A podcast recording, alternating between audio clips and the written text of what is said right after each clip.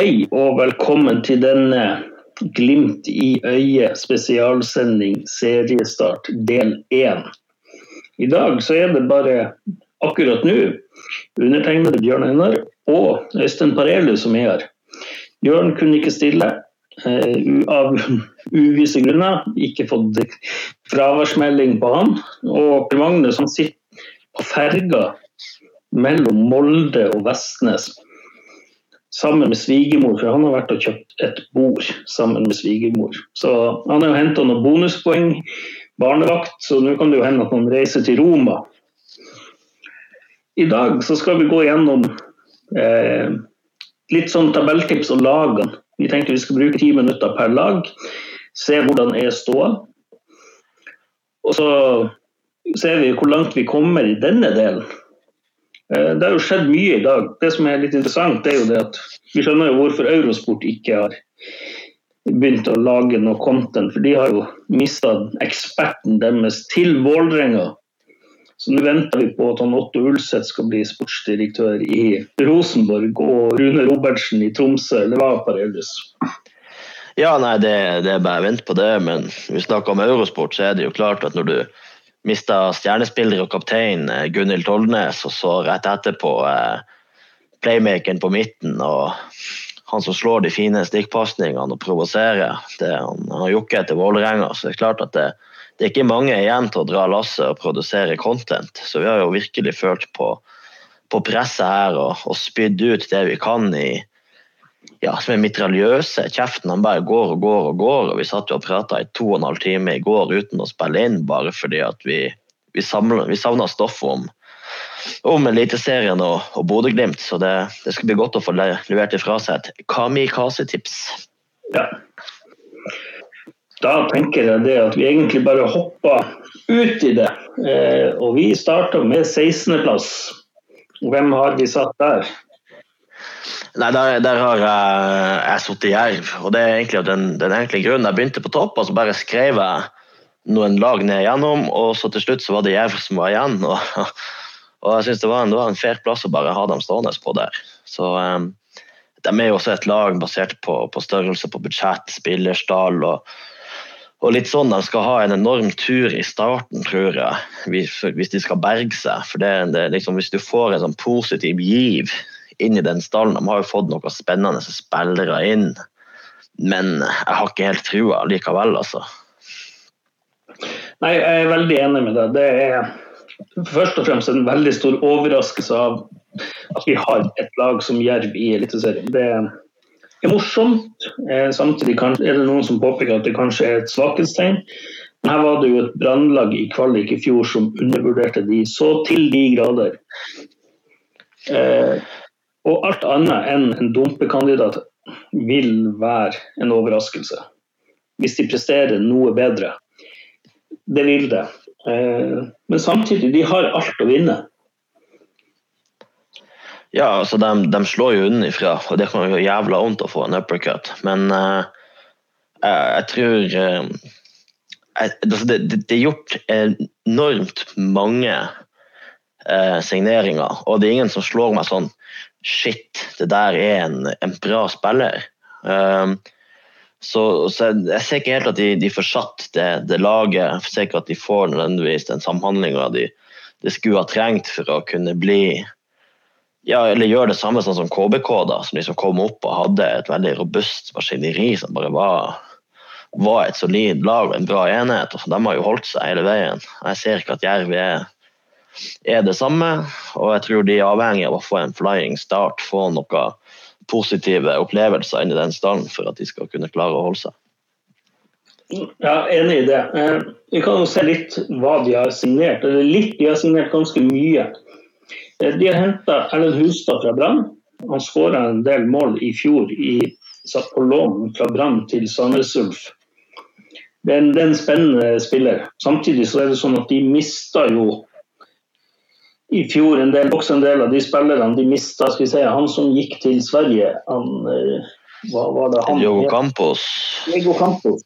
Han var jo enorm i den, i den um, kvalikkampen på Intility. Som en sånn dukke. Gikk til Sverige på free transfer, fikk en sign-on-fee, og det er noen sånn skattemessige regler som gjør at det er gunstig å gå dit. Men, men der, den, den, spennende spiller, Erlend Hustad. Han, han velger bort Obos med Brann, så det er ikke så tydeligvis så fett Obos med Brann. Det er nok fetere å være i Eliteserien med Jerv. Men så har vi også henta en spiss, eller en spiller som heter Rodney Antwi. Han vet jeg ikke så mye om, men han kommer fra en ukrainsk klubb. Han har spilt nederlandsk eh, nederlandsk toppserie, faktisk. Eh, de har henta det som jeg hørte på Synseligaen og shout til de jeg syns de leverer godt content. De har henta en del som de kalte krydderspillere. Eh, en del spennende spillere Eh, som kan komme hit og ta Norge litt med storm, da. Ja, men jeg vet ikke når den, når den største fotballmessige prestasjonen du har gjort, er å få en melding fra Cristiano Ronaldo etter at du har signert. Uh, Nå skal jeg ikke navnet på han engang. Er det han der eh... Leandro Fernandez. Han kom også Leandro Fernandez, ja. ja fra Pek Svolle. Det er liksom sånn uh, Det går akkurat en positiv uh, utvikling i de klubbene han signerer for. Da. Så det, det minner jo litt om en sånn opphausa talent. Var i Juventus, trener med Ronaldo, bla, bla, bla. Går til Nederland, tar nå stegene til Norge og Jerv. Altså det, altså hadde han vært top of the shit, så hadde han ikke gått til Jerv, tenker jeg. Nei, det, det er nok eh, tvilsomt at han hadde gått dit. Eh, men, men Jerv er ja, hva skal jeg si, jeg ble jo veldig overraska når de slo Brann. Det lille vi klarte å se av den kampen, så var det jo en, en, å si, en rundt-kamp. Det bølga frem og tilbake med Hawaii-fotball. Eh, og Da kom det til slutt. Klarte de å ta det på straffe. Eh, overraskende, men samtidig så møtte de et brannlag som ja, lå litt nede for telling. Eh, og De var nok helt sikre på at de skulle gå videre, men de har vel ennå til gode å vinne på Intility. Ja, det, det, har de. Og de hadde jo også en Robert Taylor som bare bestemte seg for å ikke skåre på straffe hele fjorårssesongen. Han bommer vel både i ordinær tid og i straffekonken, eller husker jeg helt feil. Det er jo ikke Brann vi diskuterer, da, men, det, men, men sånn, den kampen der, hvis, hvis Jerv klarer å gå inn til hver kamp med samme måte, holdt på å si dødsforakt, men liksom samme innstillinga som de hadde til kvalikkampen, hvor det er sånn vi har, vi har fuck all å tape. Vi, vi, vi, bare prøver, gjør vårt aller beste. Spring til, til, til føttene detter av, så, så, kan de selvfølgelig klare seg. Men, men, det koster mye å skal gjøre det i 30 kamper gjennom en hel sesong. Man klarer å mobilisere den typen energi inntil sesongens viktigste kamp. Jeg, tror, jeg ser ikke at de klarer å skal gjøre det til, til 30 cupfinaler. Det, det gjør jeg ikke. Nei, eh, det vil jo, vil jo, være svært overraskende. Eh, og Det er litt sånn den største profilen de kanskje har. Han er på trenerbenken, og han eh, prater kanskje den, den, verste dialekten jeg har hørt. For den bergenser som har flytta og bodd nede av holdt på å si, Telemarks- og sørlandskysten i hvert fall siden 99. Han har, har vært i forskjellige klubber. Han har, har en god merittliste, egentlig. Eh, han har jo vært trener i Odd Grenland eh, fra 99 til 2007, godeste Arne Sandstø.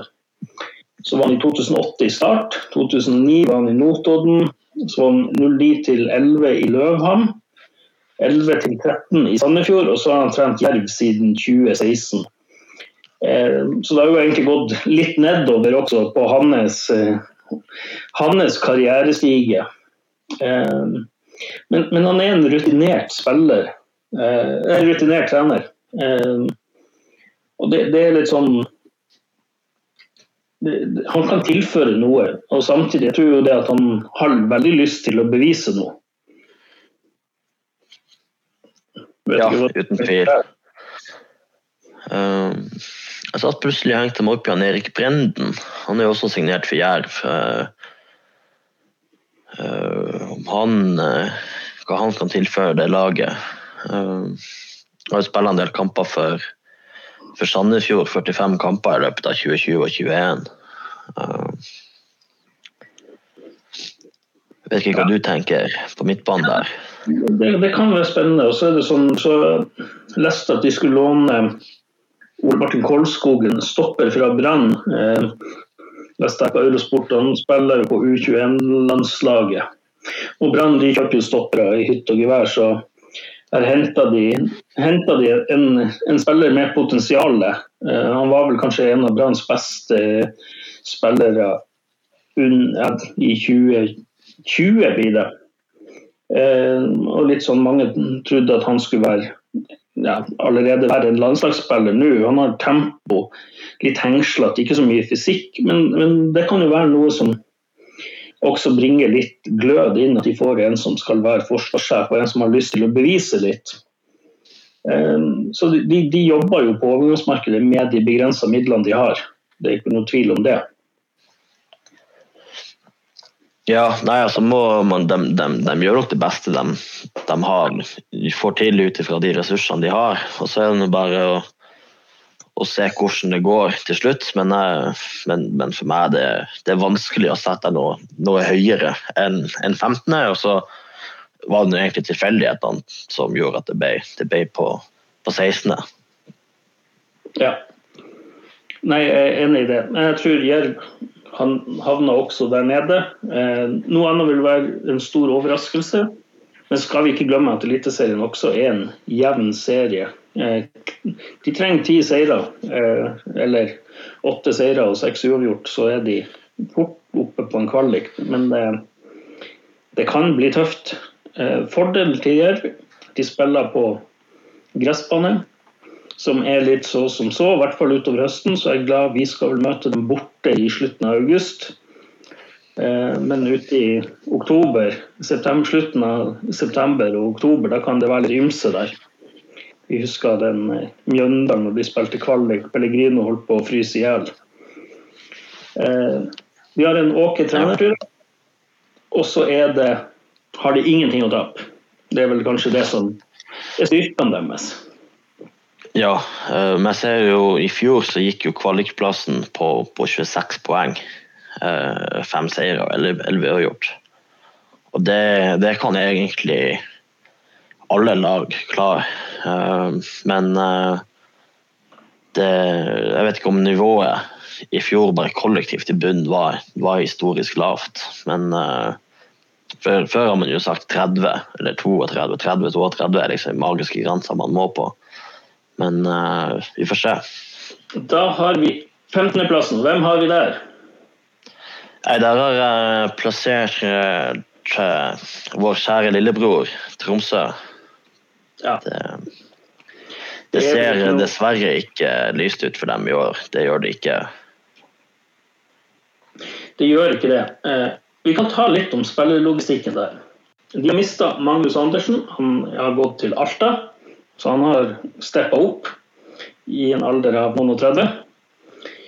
Glimt har henta Isak Amundsen tilbake. Eh, Mikael Nore Ingebrigtsen, eh, kontrakten gått ut, forsvunnet.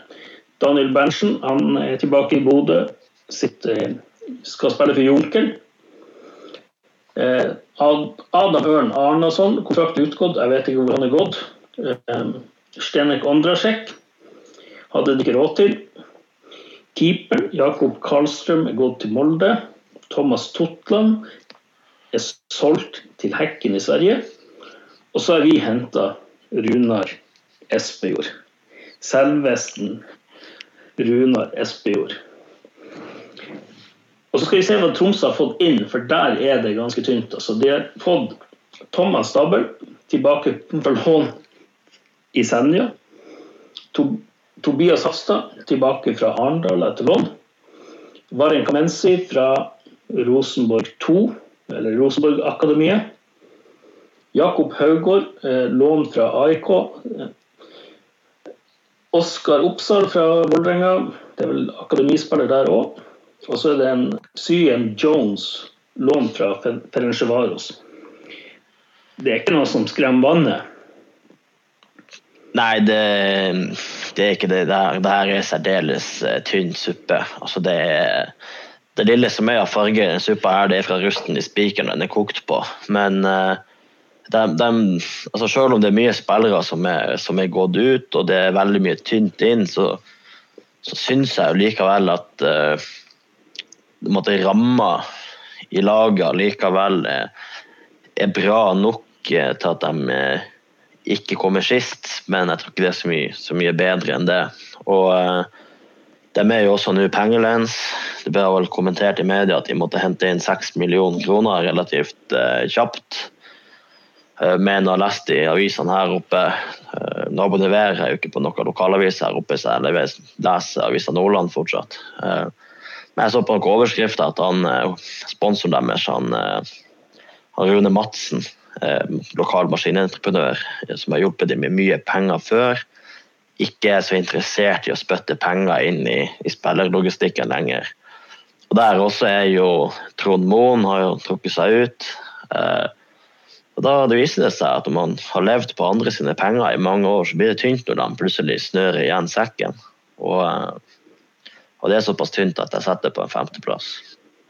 Ja, så er det jo sånn at Tromsø starta jo litt sånn svakt i fjor. De, de tok riktignok en trepoenger borte mot Viking, eh, men de, de, ble jo berga egentlig litt av en OK høstsesong. Um, Nå fikk jo signert han Syché, eller dårlig syke, eller god syke. Så det er jo litt bedring i psyken der. Uh, en 34, har blitt 34 år, stopper. Uh, han imponerte i fjor. Såpass, uh, såpass, objektiv skal vi klare å være. Men ellers ja, ja. er det sånn Det er ikke noe han Gaute Helstrup må ut utrette mirakler skal han klare å holde dette laget oppe. Eh, jeg har sagt det før, Elstrup er en god trener. Jeg har trua på han som trener. Men han har rammebetingelser som ikke ligner grisen. Eh, de har en spennende Bodø-gutt, Kasper Øyvand. Har du lyst til å si noe om han? Ja, eh, Kasper Øyvand er sånn som jeg husker han fra tida i, i Glimt. en spillende stopper Eh, som, er, som liker å ha, ha ballen og, og, spille foran seg. Eh, gikk jo steget via Tromsdalen da, og, og, skulle studere, og så har han tatt steget opp til, til Lillestrøm. Jeg synes det det er, veldig artig at eh, lokale Bodø-gutter viser at man, man, ikke må gå rett ifra akademiet til Glimt sin Asdal, og så at man kan ta de der omveiene og, og lykkes. Uh, men jeg husker også at Kasper eh, fikk han seg noen mål på slutten i fjor. Eh, relativt god på, på offensivt dødball også, tror jeg. Det kan hende jeg husker feil, men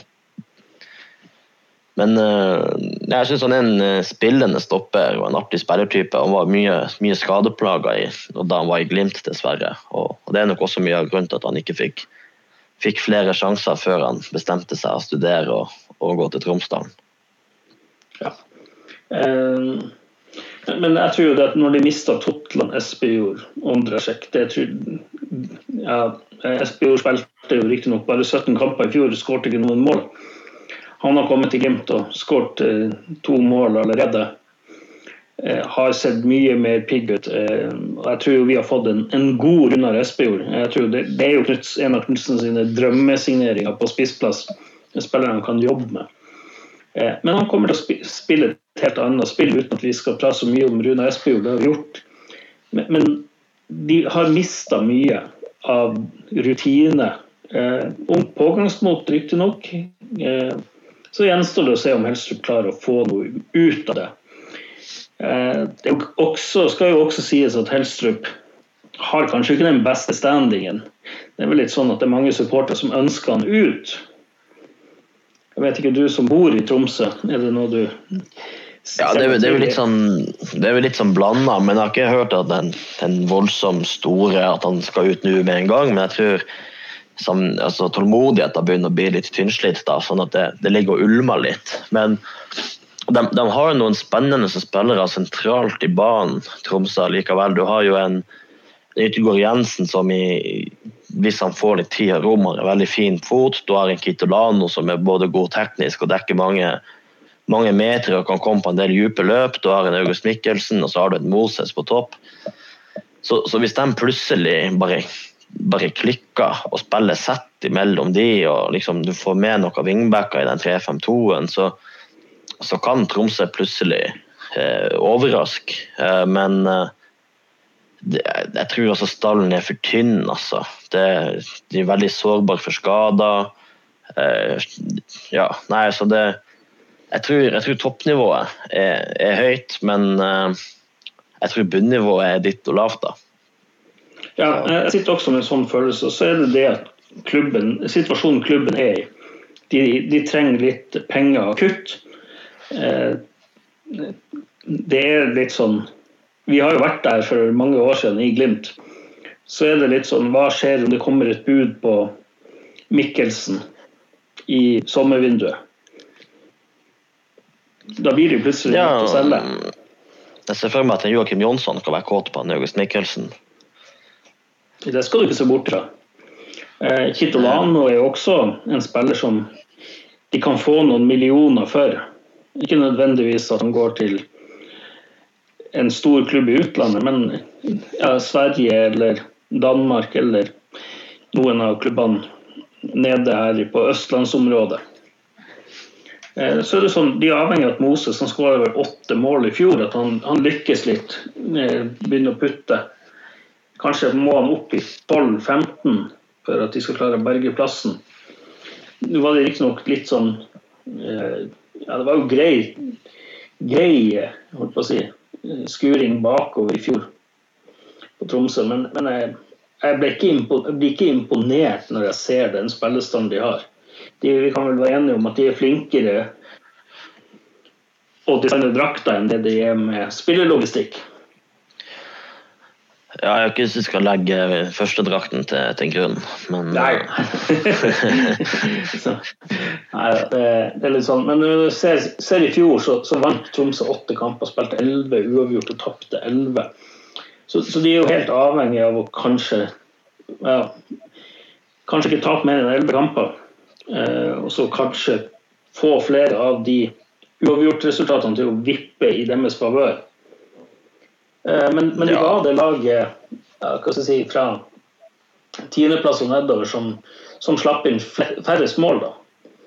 Eh, Riktignok så var det de som skåra færrest òg. De var likt med Mjøndalen som rykka ned. Så de ja, avhengig av å få det til å fungere. De har jo mista Karlstrøm. Eh, Helst Amundsen er gått til, til, Glimt igjen etter lån der. Han spiller jo fast og var sånn som jeg forsto det, blant eh, Tromsøs beste spillere. Og de er jo ikke blitt noe særlig sterkere offensivt. Så liksom når du, når du fjor og, og, hva som har skjedd på overgangsvinduet til, til sesongen som kommer nå, så det, det, det, det er tynn suppe, altså. Ja. For å avslutte med Tromsø. Vi tror det blir en tur ned i Obos. Det er vel ikke noe tvil om det. Nei da, men en mager trøst er jo at både Viking og, og, Glimt har vært i Obos for ikke så lenge siden. Så det, det, kan jo, det, kan jo, gå bra til slutt for Tromsø. Det kan det. Yes. Da er vi på den 14.-plassen som gir kvalifisering. Ja, der har vi sittet Haugesund. Også en klubb med økonomiske utfordringer. Ja, de, de har det. Og skal se på, på tabellen i fjor eh, De er vel eh, et mye bedre hjemmelag enn de er et bortelag. Eh, åtte hjemmeseiere og, og bare én borteseier, ser jeg. Så det Jeg har ikke helt kontroll over hva, hva, de har inn og ut av spillere i år, men, men magefølelsen sier at de, de ikke er blitt noe, noe forsterka, de er ikke blitt noe sterkere. Så Nei, det er egentlig bare sånn, sånn kamikaze-tips. Ja. Altså, de har mista uh, Benjamin Tidemann Hansen til Molde. De har mista Niklas Sandberg til Viking. Kristoffer Welde er gått til Polen. Det er vel de tre som er, de viktigste de har mista.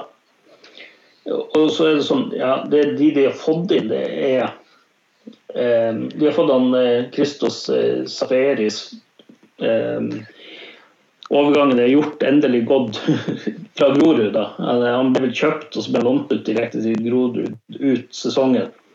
Så de henta Nicolas Hvalstad fra Mjøndalen. Så de henta en danske, ikke en Søren Rese, eller Riise fra Midtjylland, som jeg ikke aner noen ting om. Og så har de henta en Hillary Gong fra Vitesse Arnheim. Det er òg en Ibrahim Sissoko, eh, lån fra US Gori i Senegal. Det er mista mye offensiv styrke i, i Sandberg og Velde.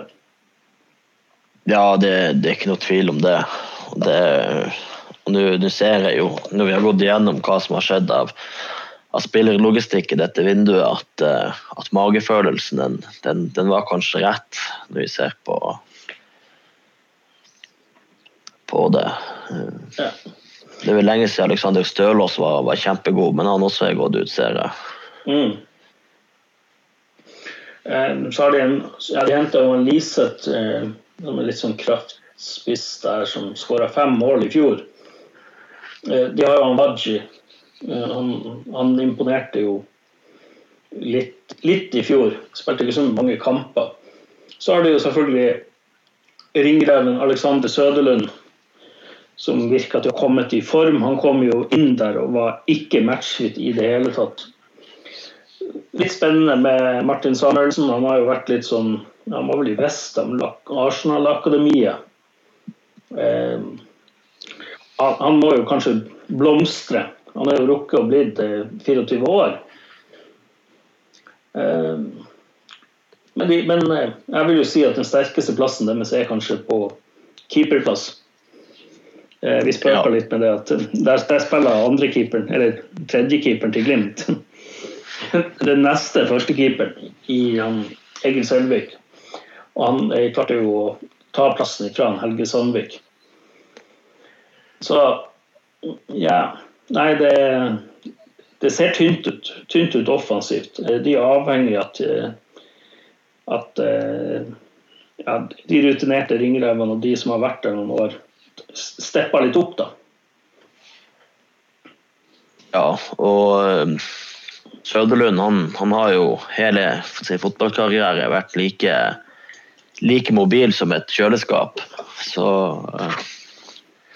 han, han, de, de, skal slå presise innlegg for at han skal skåre mål, hvis det er lov å si. da. Det, jeg tror ikke han skaper så mye på egen hånd. Han er flink å avslutte, men uh, det er nok de rundt han som må gjøre jobben. og Når, når Velde og uh, ja, Velde og Sandberget er borte, så, så tror jeg det kan bli vanskelig.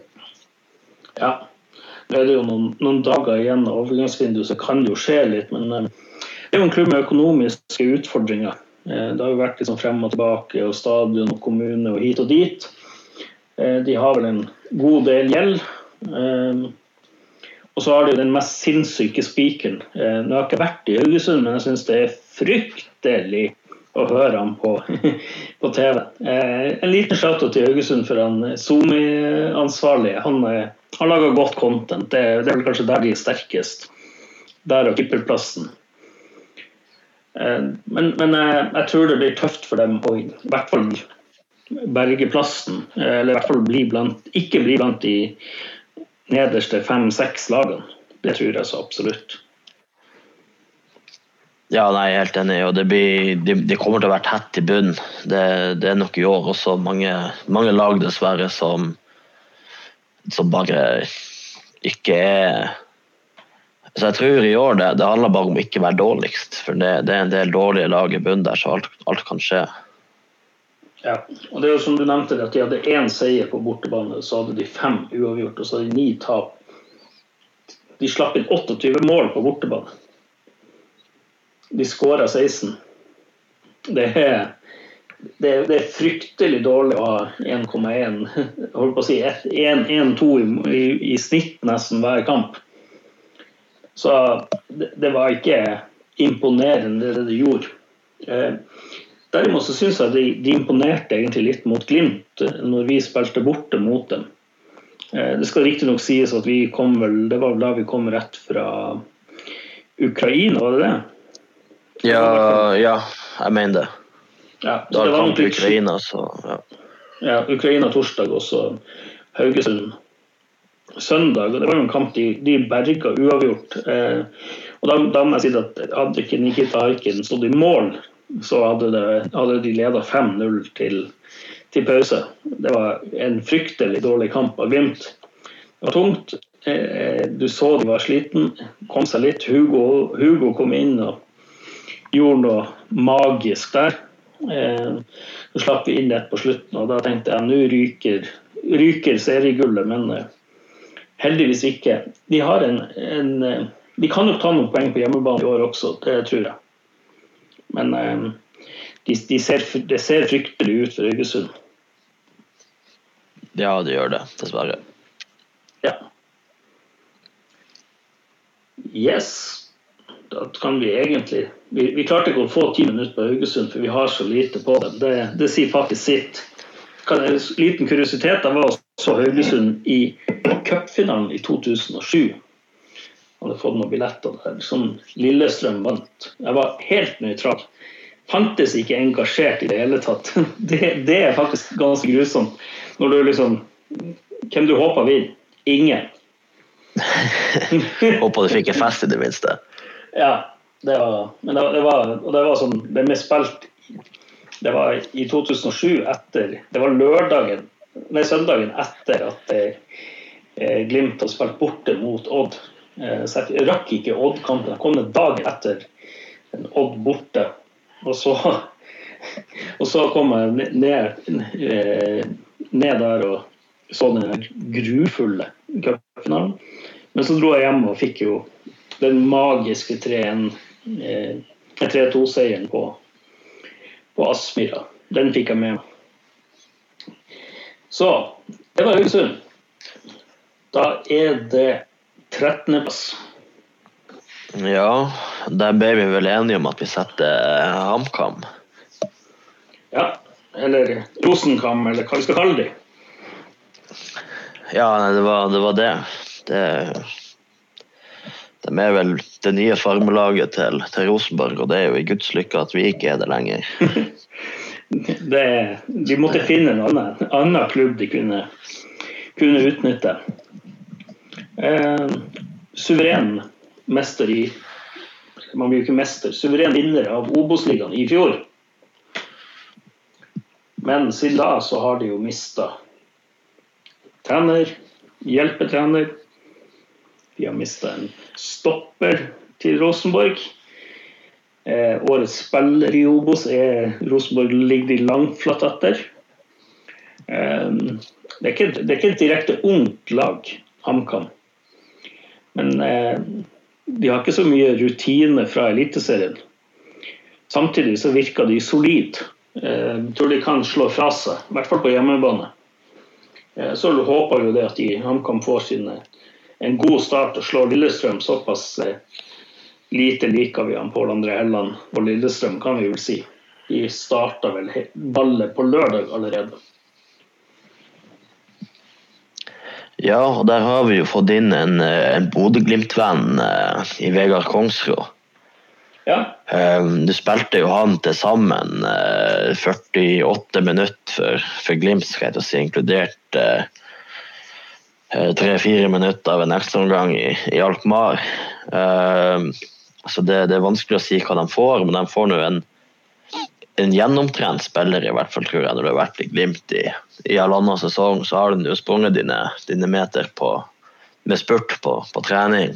Uh, og Det er en spiller jeg hadde håpa jeg skulle se mer til, men det er klart når du, når du eh, kjemper mot Bjørkan og så Bris, og du har lyst på spilletid, så så er ikke Glimt klubben å være i. og jeg tror jeg tror HamKam har gjort et bra kjøp egentlig i Vegard Kongsgård, selv om han kom inn og, og hadde super innbytterpuls mot Stabæk og kanskje skulle hatt seg et rødt kort etter noen få minutter på banen i den kampen eh, etter at Bjørkan skada seg. Men uh,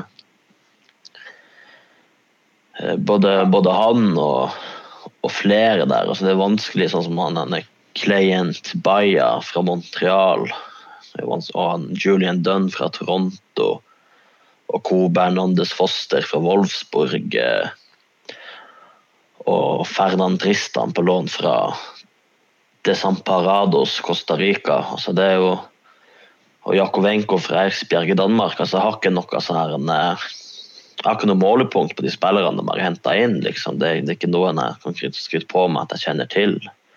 Pål Alexander Kirkvold har vi vært borti, da, men det er nå jeg tror at hvis de beholder han Christensen eh, og så og så liksom fortsette i, i den stimen de var i i fjor, eh, så tror jeg de kan klare seg, klare seg greit. Ja, det, var jo et lag som var På 30 kamper så vant de 21, spilte 6 uavgjort, tapte kun 3. Eh, de skåra 62 og slapp inn 21. Eh, så endte opp med å vinne Obos ganske suverent, og vinne med 11 poeng. Eh, og ned til eh, første kvalikplass var det jo da 15, hele 15 poeng. Og det var Jerv, da.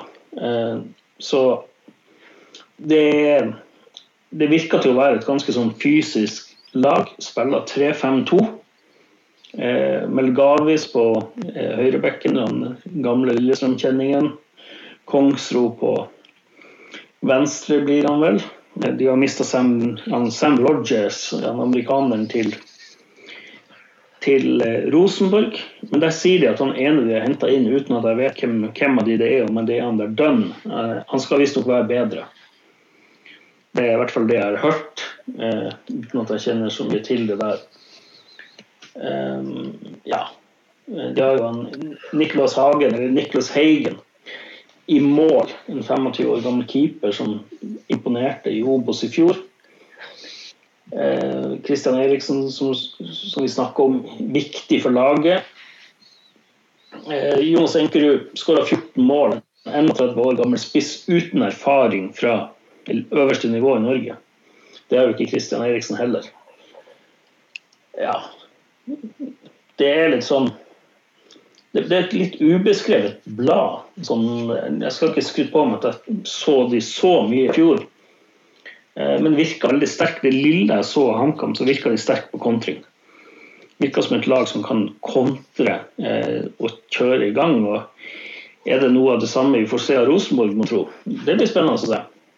Ja, og det lille jeg har sett av Rosenborg i vinter, et par treningskamper, så eh, så virker det ikke som at de skal ha ballen i laget sjøl, i hvert fall. Så, Nei. så det Vi ser her eh, Ja. Det, det, det, er mye eh, sånn fra eh, Det er mange rundt noen og 30 år i det laget her som spilte mye kamper i fjor. da. Jonas Enkerud. Eh, de har en annen vi det her Jonas Inkerud var nevnte. Så hadde en Rasmus Lindqvist på 31. Eh, Melgavis han er 32. Det Samtidig så er det sånn ja, det, det, er vanskelig å si hvor det står. Eh, ny trener har du jo fått. Eh, kjenner absolutt ikke til han heller. Men eh, han kan, kan nok dra med seg mye at de, de virker til å være godt trent. Eh, virker til å ha spille 3-5-2, være litt satt. Komme med eh, litt fysiske spillere. De kan slå ifra seg. Eh, og så er det jo det at de, når du kommer fra Obos, at du har litt sånn god sti. Men det, det, skal være såpass stor forskjell mellom Obos og Eliteserien. Vi husker jo Ålesund som rykka opp i 2019, hvordan det gikk med dem i 2020. De, de slo jo poengrekorden til Glimt når de rykka opp. Eh, så de er avhengig av å få litt flyt og ha litt tur. Eh, men, men de har jo også vunnet litt i Lotto. Det er jo passende når de er fra Lottobygda eller Lottobyen eller hva det er. At de har fått en snill, snill lottomillionær i Trondheim som gir dem penger. Så de kan jo forsterke litt. Jeg tror Konstro er, dette passer han veldig bra. Eh, ønsker han virkelig lykke til der i alle kamper, bortsett fra de to mot Glimt. Men, men eh, HamKam de, de, skal kjempe for å ikke være blant de nederste fem, de òg.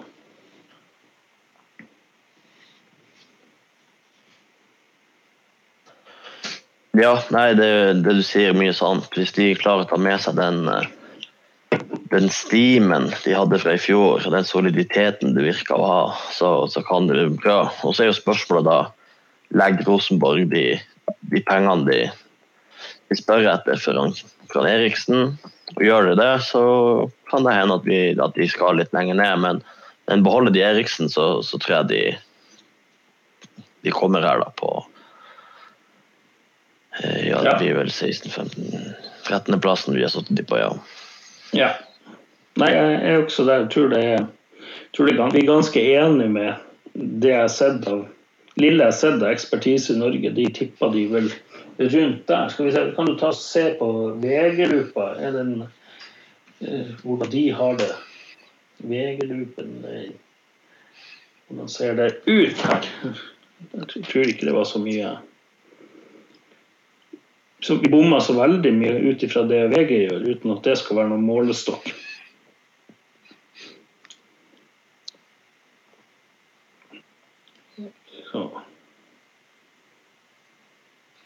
Det er bra content. Jeg sitter og leser på Sandefjord sin overganger. Du sitter og, og finner ut av HamKam på VG-loopen. Så det, det, ble litt stille her, men det er nå det, det, går seg til.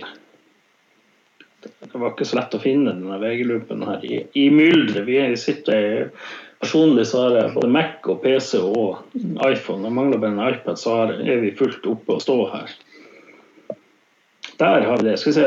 Eh, HamKam de har, eh, de har Haugesund på 13 og HamKam på 12. Gjør, eh, så det eh, de, vi, er, vi, er, nok i, inne på samme spor som, som det VG har gjort, vil jeg si. Ja. Jeg tippa på, på, magefølelsen mens jeg venta på at middagen skulle bli ferdig, og har gjort særs lite, lite, research i år. Så det er, men, men magefølelsen den skal man stole på, den er ofte riktig. Jeg bruker å si det er basert ofte på mye kunnskap og erfaring. Ja, og magen min er jo ganske stor, så det er mye følelser i den. Så det Yes, men da er vi kommet til tolvteplass, er det det? Ja, det er vel det. Og der skal de til andre serierunde. 10. april. Tenkte jeg skulle ta turen ned. Liten shout-out til Glis, som skal arrangere busstur. Det er vel Sandefjord. Ja. Det Sandefjord der, de har jo eh, mista han, eh, han Bris. De har mista Bris. Vi er veldig takknemlige for Bris. Det, ja, det, det ser man jo. Si mista ganske mange spillere. Det er vel den lengste lista over, over spillere ut. Men, uh, men, jeg likte mye av det jeg så fra, fra Sandefjord i, i, fjor, og måten Ødegård og gjengen der har lyst til å, til å spille fotball, og hvordan de har gjort Sandefjord til et uh, mer spillende lag, samtidig som de, de, de fortsatt virker ganske solide. I hvert fall i, i de kampene vi hadde mot, mot Sandefjord i, i fjor. Så i hvert fall Bortekampen mot Sandefjord var jo en veldig, veldig vanskelig kamp. hvor Jeg følte at vi ikke skapte noen ting. I den kampen var vel både, både Sørli og Solbakken akkurat blitt skada, om jeg ikke husker feil. Så det også kan jo ha noe med det å gjøre. Men, men de kom på en fin tiendeplass i fjor, og tror de blir å ligge, ligge og vake rundt niende til tolvte i år. Og så var det bare magefølelsen som satte dem på, på tolvteplassen, da. Ja, nei, jeg må jo også si at jeg, jeg syns de spilte åker fotball i fjor, Sandefjord. Eh, de tør å holde på ballen og tør å angripe. De lå ikke bakpå. Jeg, jeg var jo litt overraska når jeg var i Sandefjord og så. Liksom, de imponerte meg der. Jeg syns Ødegaard får mye ut av det han har. Eh, han er jo en relativt, begynner jo å bli en relativt erfaren mann erfaren. Han har jo vært hjelpetrener i Mjøndalen tidligere. Ødegård og er jo også faren til ja, Martin 15, største talentet Norge hadde som, som 15-åring, i hvert fall. Han er det største nå. Jeg vil påstå Haaland er kanskje større. Men, eh, men Ødegaard er jo eh, Virker til å ha fått, fått grei kontroll. Eh, de har riktignok mista Kristoffer Nordmann Hansen, Vidar Ari Jonsson, Bispen Bangomo og Martin Kroosrigler. Eh, men, men eh, tror de skal klare å se relativt greit. De har henta han, eh, han der denne fra KFUM, Jesper Taje, eller Taje, eller hva, hvordan uttaler han det, det vet jeg ikke. Det kan være Toje òg, det. Toje, Toje, ja. Jesper Toje. Eh, Kvint Jensen fra Ålesund. Det er jo, det er jo sånn spillere rett og slett egentlig ikke har veldig mye å si, men si noe om, da. Men det er jo et spill man har lest litt, det, men det er sånn eh, Får de en, en, god start, så ja, de kan eh, eh, Det lønner seg å spille fotball, ikke nødvendigvis stå og måke fotballen fremover. Tørre å utfordre det etablerte. og Det er jo litt sånn Ødegaard har jo alt å bevise. Samtidig så er det jo en klubb som ikke nødvendigvis har så mye penger. En fryktelig stadion. Fryktelig. Eh, vi skal kanskje ikke rope så høyt med Aspmyra, men her, her, snakker vi at det, det lå jo omtrent på kjøpesenter. Og så Release Arena. At det er, men Sandefjord er en fin, fin uh, liten Vestfoldsby. Eh, ikke så mye utsatt på den. Sandefjord der. Jeg håper de klarer seg. Eh, men det, det, blir spennende å se, rett og slett. Ja, eh, men, men altså det, er, det, er, jo en liten fare for at Sandefjord plutselig kan overraske også og komme kom bra mye høyere. For det som du sier, de har hatt veldig fokus på å utvikle eh, eget spill, spillemønster og hvordan man skal angripe kollektivt. Eh, og baserer seg ikke så mye på Eh, på enkeltspillere som kanskje andre lag gjør. Og, eh, og, Det er litt i den tankegangen som, som Glimt har vært. Det, det som har gjort Glimt til Norges desidert beste lag, det er jo at man har altså samhandlingsmønster som er innøvd, som er terpa på og terpa på og terpa på på treningsfeltet, som gjør at når, når løpene og pasningene sitter, så blir det ofte store eh, store sjanser utover det, fordi at man, man vet hva man skal gjøre i enhver situasjon hele tida. Og, eh, og det, det, kan faktisk være nok det i, i, norsk fotball til at man plutselig spretter opp en fire, fem, seks plasser på, på tabellen. Så, så Sandefjord kan være et lite sånn spørsmålstegn på liksom, skal, altså Hvis det virkelig klaffer, de får flyt og, og selvtillit i den gruppa, så, så, kan det plutselig bli, bli artig å se på Sandefjord i år, tror jeg. Ja, de tok jo eh, 36 poeng i fjor lang tid. Spilte 6 uavgjort og tapte 14. Eh, og da er det sånn at eh, endte på en fin tiendeplass der, men de, de, kunne jo fint med et par seire. Eh, endt på en over Sarpsborg på åttendeplass. Eh, litt, litt langt opp, jeg vil si ni poeng opp til Vålerenga. Det, det, på dem med syvendeplass, det, det, det var litt langt, men med et par seire der ekstra snudd deres uavgjort resultat, så hadde de hadde de fint kunne vært midt på tabellen. Og det, det var jo et lag som var tippa nord og ned i fjor. Yes. Så er det sånn eh, ja, eh, Nøkkelspilleren der er vel Harmet Singh. Eh, vi må jo trekke frem han. Kaptein. Eh, har mye erfaring. Vært i Sarpsborg. Han har vel vært litt i utenlands òg. Om ikke jeg husker helt feil. Harmet Singh. Ja, han var vel en av de guttene som var ganske, ganske ivrig på å komme seg ut, og kanskje gikk ut eh, litt for tidlig uten å få så veldig mye spilletid. Nødvendigvis ja. dit de gikk. Har vært i Sarpsborg, i Finland, eh, Allsvenskan Ja, det Vålerenga var vel der han slo igjennom. Debuterte faktisk tilbake i 2008 mot Rosenborg. Ja, og så går han jo til, til Feyenoord i 2012 og spiller syv kamper i 12, 13 og 14. Mm. Uh, så er han jo i Molde før han går til Michelin, tilbake igjen i Molde. Så, så liksom had, altså Jeg tror han er litt sånn som Hadde man hatt litt mer is i magen, kanskje, Eh, og ikke hadde så travelt med å komme seg ut.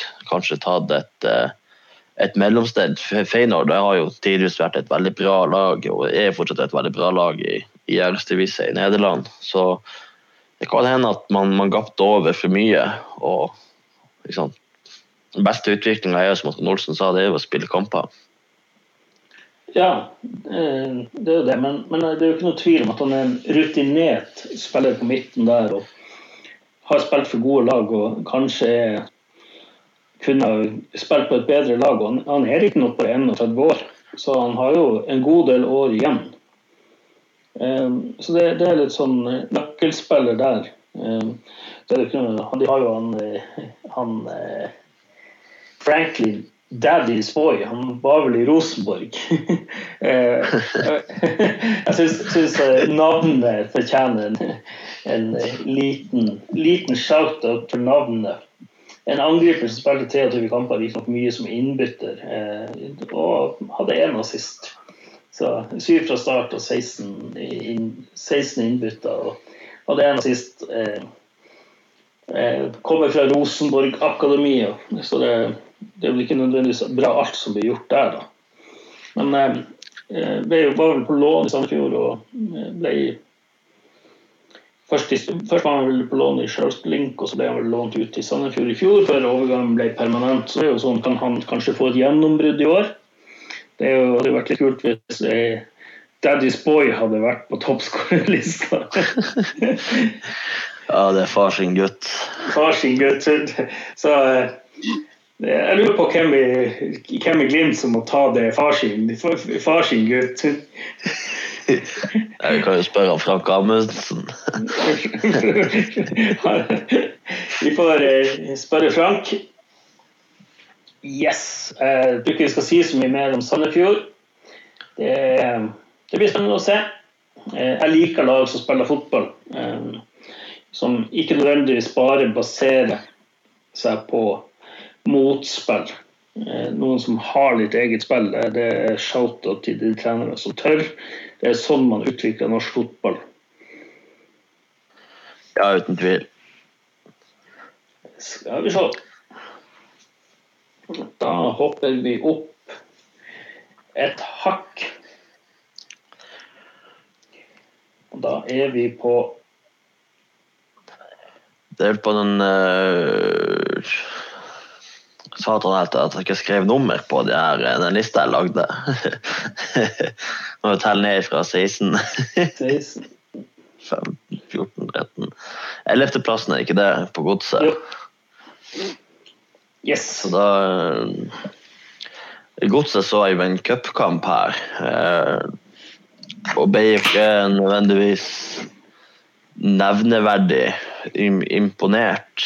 Eh, men, men, de har en del uh, spennende spillere i f.eks. Uh, det er vel Johan Hove jeg sitter og tenker på. Så er han tilbake i han Salvesen fra, fra, skade. Og så har du en, en Friday som kan være litt rart med han, er jo enten superhet eller veldig kald, har jeg en følelse av. Men det, jeg tror, og Det er jo en Herman Stengel også på midtbanen. Altså det, er jo, det er jo en litt spennende midtbaneduo da, med, med Stengel og, og, Johan Hove på, på midten der. Mm. Absolutt. Eh, de, de mista jo riktignok Moses Mava som halvveis i sesongen i fjor. Ikke det at det var sånn tap for dem, men, men eh, jeg tror jo det at eh, Han gikk til KBK for øvrig, men jeg tror jo det at de, de, er, de er avhengig av å ha de sentrale spillerne skadefri. Eh, de henta Gustav Alsvik eh, før fjorårssesongen. Litt sånn ja, hva skal jeg si, uryddig type, men han er jo solid bygga. Stopperplass, ja, ja. stopperbauta. Um, men som du sier, ikke sant, de har HV, Herman Stengel De er kanskje litt avhengige. Skal de gjøre det bedre, så de kanskje er avhengig av ikke at de blir nødt til å selge HV. Kommer det rette budet fra utlandet, tipper vi snakker 10-15 millioner fra en belgisk klubb, eh, nederlandsk klubb, så kan jo han fort gå. Sammen med Salvesen. Nå har han riktignok vært ute ett år. Fred Friday er jo der, og det er jo sånn eh, Han fikk jo totalslakt av Vålerenga sin påtroppende sportsdirektør. i, i, x antall ganger i fjor. Det blir jo spennende å se om han ender opp i Vålerenga, som de bruker å gjøre når de nærmer seg en viss alder. Eh, en, en hard X-faktor, men samtidig virker litt sånn Hva skal jeg si han må, han må, ha mye tur eh, skal det gå, liksom, for å få flyten. Han hadde noen kamper i fjor med flyten. Men det, det var fryktelig uryddig eh, noen kamper mot Glimt. Ja. Der. Det er jo, det er jo litt spørsmålstegn eh, også med godset. er jo Klarer man å få en konstellasjon i den 4-3-3-en hvor Friday og og Salvesen spiller samtidig. Jeg hørte, jeg lurer på om det var da Tom Nordli var gjest i, i Synsepodden i, i, forrige uke, at jeg Synseligaen i forrige uke at uh, de snakka om å kunne spille en litt sånn skeiv 4-3-3 med Salvesen litt som en sånn uh, Jostein Flo-ving, hvis du skjønner hva jeg mener. Mm. Men, men, han sa også at hvis Frøyde spiller, så spiller han som midtspiss i den 4-3-3-en. og for det, det, det, er kun der han kan spille, liksom. Så jeg vet ikke, Har du gjort deg noen tanker om det?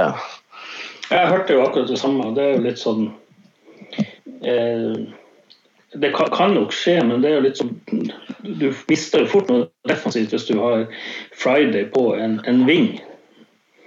Eh, men, men, det er klart du får jo også det offensive med Friday. Får fysikk fremme med Friday og, og Salvesen. Eh, det er ikke noen tvil om at det er et lag som kan det, kan det, kan slå begge veier. De var jo totalt nederlagsdømt i fjor etter den han treneren måtte gå dagen før.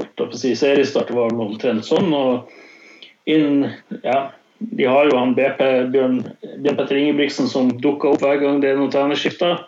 Så De har vel noe sånn delt hovedtreneransvar sammen med han der Håkon Wibelund.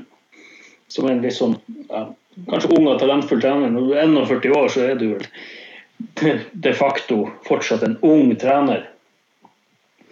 Men, men jeg, eh, jeg syns vi spilte overraskende god fotball enkeltkamper i fjor. Især mot Molde. Shouta til dem for å gi Molde grisebank. Eh, men, men de endte på niendeplass i fjor med 9-9-12 hadde de, og 43-43 i målforskjell. Det er jo eh, ja, nesten et halvt mål i snitt. Begge veier. Men eh, de hadde en fryktelig høstsesong. Sånn, bortsett fra den Molde-kampen, så var det vel ganske sånn Skal vi se her Godset Ja, de vant mot Molde, og så hadde de ja, de fem siste tre uavgjort og to tap. De hadde bare én seier på de siste ni kamper. Ti kamper. Ni kamper. Den, den mm. ene seieren kom mot Molde. Spilte de riktignok ekstremt godt og slo dem 6-0. Og Da hadde de jo akkurat spilt uavgjort mot oss. Så de var liksom de var gode mot oss og Molde i, i fjor høst. ja. Men jeg ser de har mista Jonathan Parr, som har uh, lagt opp. Ja. Uh, vet ikke hvor mye Du vet ikke hvor mye han spiller i i fjor, da. Men uh, han, at, han, at, han, var en lederskikkelse i den, i den stallen og nok bidro mye i, i gruppa med, med, hans rutine, det, det er jo ikke noe tvil om. Ja, han spilte 18 kamper i fjor. Det, var nok, det var totalt, men um, ja, 17 fra start. da, Ett et innbytte. Eh, hadde tre assist. Han er, var jo en offensiv back. Det er jo ganske gode stats eh, når du tenker han spilte 1200 minutter. Eh, så det er jo sånn relativt godt for et middels lag. Så ja, de mista rutine der i en, en offensiv, offensiv back. Med, med my mye erfaring fra ja, både Premier League Championship. Men ja. som sagt eh, jeg har ikke så mye mer på godset egentlig heller. Det er litt sånn det kan slå begge veier. Det, det sånn, men, men Eliteserien er såpass åpen så jeg tror det kan, det kan det gjøre for egentlig alle de lagene vi har nevnt.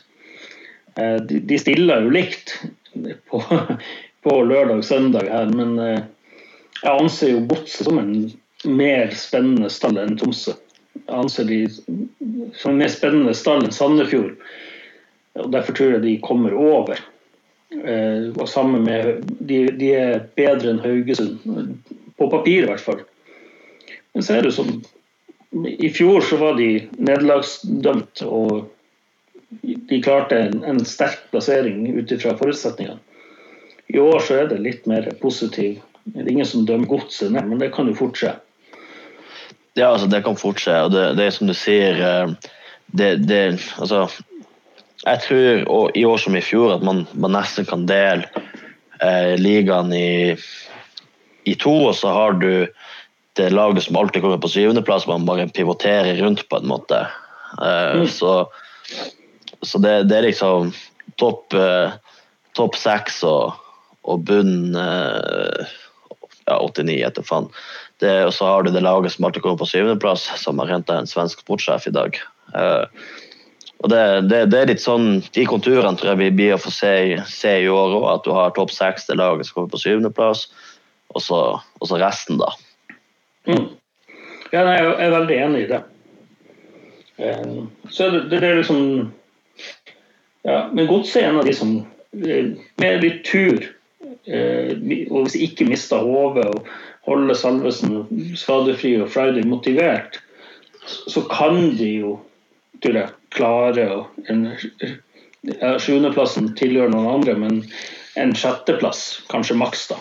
Det tror jeg jo ikke Haugesund, med de forutsetningene de har, gjør. Så Sandefjord jeg, jeg tror heller ikke det. Jeg tror det blir vanskelig. Men jeg tror det er et lag som potensielt kan vippe opp der, da. Så er det jo litt sånn eh, Det som jeg syns er veldig merkelig med en del av de lagene som ligger her i Oslo-gryta, rundt Oslo, vil si det Oslo-gryta og Store-Oslo, er jo det at det er jo relativt kort vei. Det er jo enkelt å få tak i spillere fra andre klubber. De har jo et marked. Det er jo ingen som Du kan jo bo i Oslo og fortsatt spille for godset. Ehm, jeg syns det er rart at de ikke utnytter det bedre. mange av de klubbene her, det er jo sånn som eh, både ja, Tanu, Lillestrøm, Sarpsborg. Eh, begynner du å se nede i, i Obos, Fredrikstad, nå Mjøndalen, de har jo mange spillere som studerer i, Oslo, studerer i Oslo. Kanskje ikke nå, men i hvert fall sånn var det jo når de rykka opp første gang. Og At Godset ikke klarer å være mer på, det syns jeg er litt overraskende. På talentet, talentet Det er jo, det er jo flust av Obos-klubber og henter fra Post Nord-klubber. Eh, og Godset er jo en klubb med litt tradisjoner. Ja, altså sånn sett, jeg syns det er rart at at Glimt henta Kongsro og, og, Lasse Nordås, når du, når du, vet hva som finnes av, av muligheter og, og klubber i, i, nærområdet der. Det syns jeg det er bra. for at både, altså, Jeg er jo klokketroa på, på Lasse Nordås og, og Kongsro så var en spennende, spennende spiller når han kom fra, fra Ullkisa. Men jeg syns det er rart at sånn som Vålerenga Godset, Sarpsborg, de klubbene du nevner, bare sitter og ser på at Glimt henter de spillerne, da, i stedet for at de gjør det sjøl. Ja, jeg er helt enig. Sant? Det er jo som eh, Ja. Det, det, det, jeg syns eh, en sånn liten sånn som kommer med kritikk av hvordan fotballklubber drifter uten at jeg kjenner det ekstremt godt, men sett fra utsida syns jeg det er rart når du har utdanningsinstitusjoner i og rundt Oslo som det, du har en massiv tilflytning av. Liksom, at du ikke lager et opplegg for å styrke egen konkurransekraft. Eh, og Godset burde jo være en sånn klubb. Eh, som finner sin plass i hierarkiet og får tak i talentene og tilbyr noe mer. Tilbyr liksom noe til hele mennesket. Eh, Nå sitter og gir det masse gode, gratis råd her. Men at de, de liksom sitter og ser på at spillere, talentfulle spillere forsvinner til andre landsdeler der de faktisk må flytte. Her er det folk som kan bo hjemme. Ta Lasse Nore som eksempel. Han kunne omtrent ha bodd hjemme på gutterommet ennå. Han er jo ikke så gammel, eller bodd på hybel. De kunne ha lagt til rette at ok, du trener med godset, du er en del av avstanden og sånne ting. Du tar en utdanning på si. Og det tror jeg er viktig for, for kan jo være et konkurransefortrinn for de som kanskje ikke er ekstremt gode. Som, ja, altså ta Martin Ødegaard og Haaland når de var på den alderen der de, det var sementert, sementert at de skulle bli fotballspillere. det er jo ikke sikkert at Lasse Nordås klarer å slå igjennom, selv om jeg tror det. da.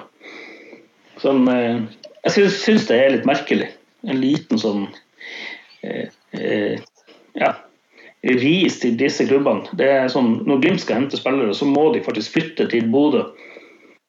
Eh, det er jo ingen Obos-klubber i nærheten. Du må til Stjørdal. Eh, skal du til Post Nord, så må du til Alta. Eller, eller ned til Trondheimstrakta. Levanger er vel kanskje det nærmeste. Så det, det, sier jo litt om prestasjonen Glimt egentlig hadde. Absolutt. Yes, men da snakka vi oss egentlig litt bort. Det var en liten digresjon der. Vi kan ta frem til den syvende plassen. Da har vi neste plass, da. Den tiende. Der har vi eh, LAN, Lars Arne Nilsen og hans menn i, i Ålesund. Ja, og det, det, her er jo, vil jeg tippe at det, vi er ganske rause med Ålesund når vi setter de her. Jeg ser VG har de på 14.-plass.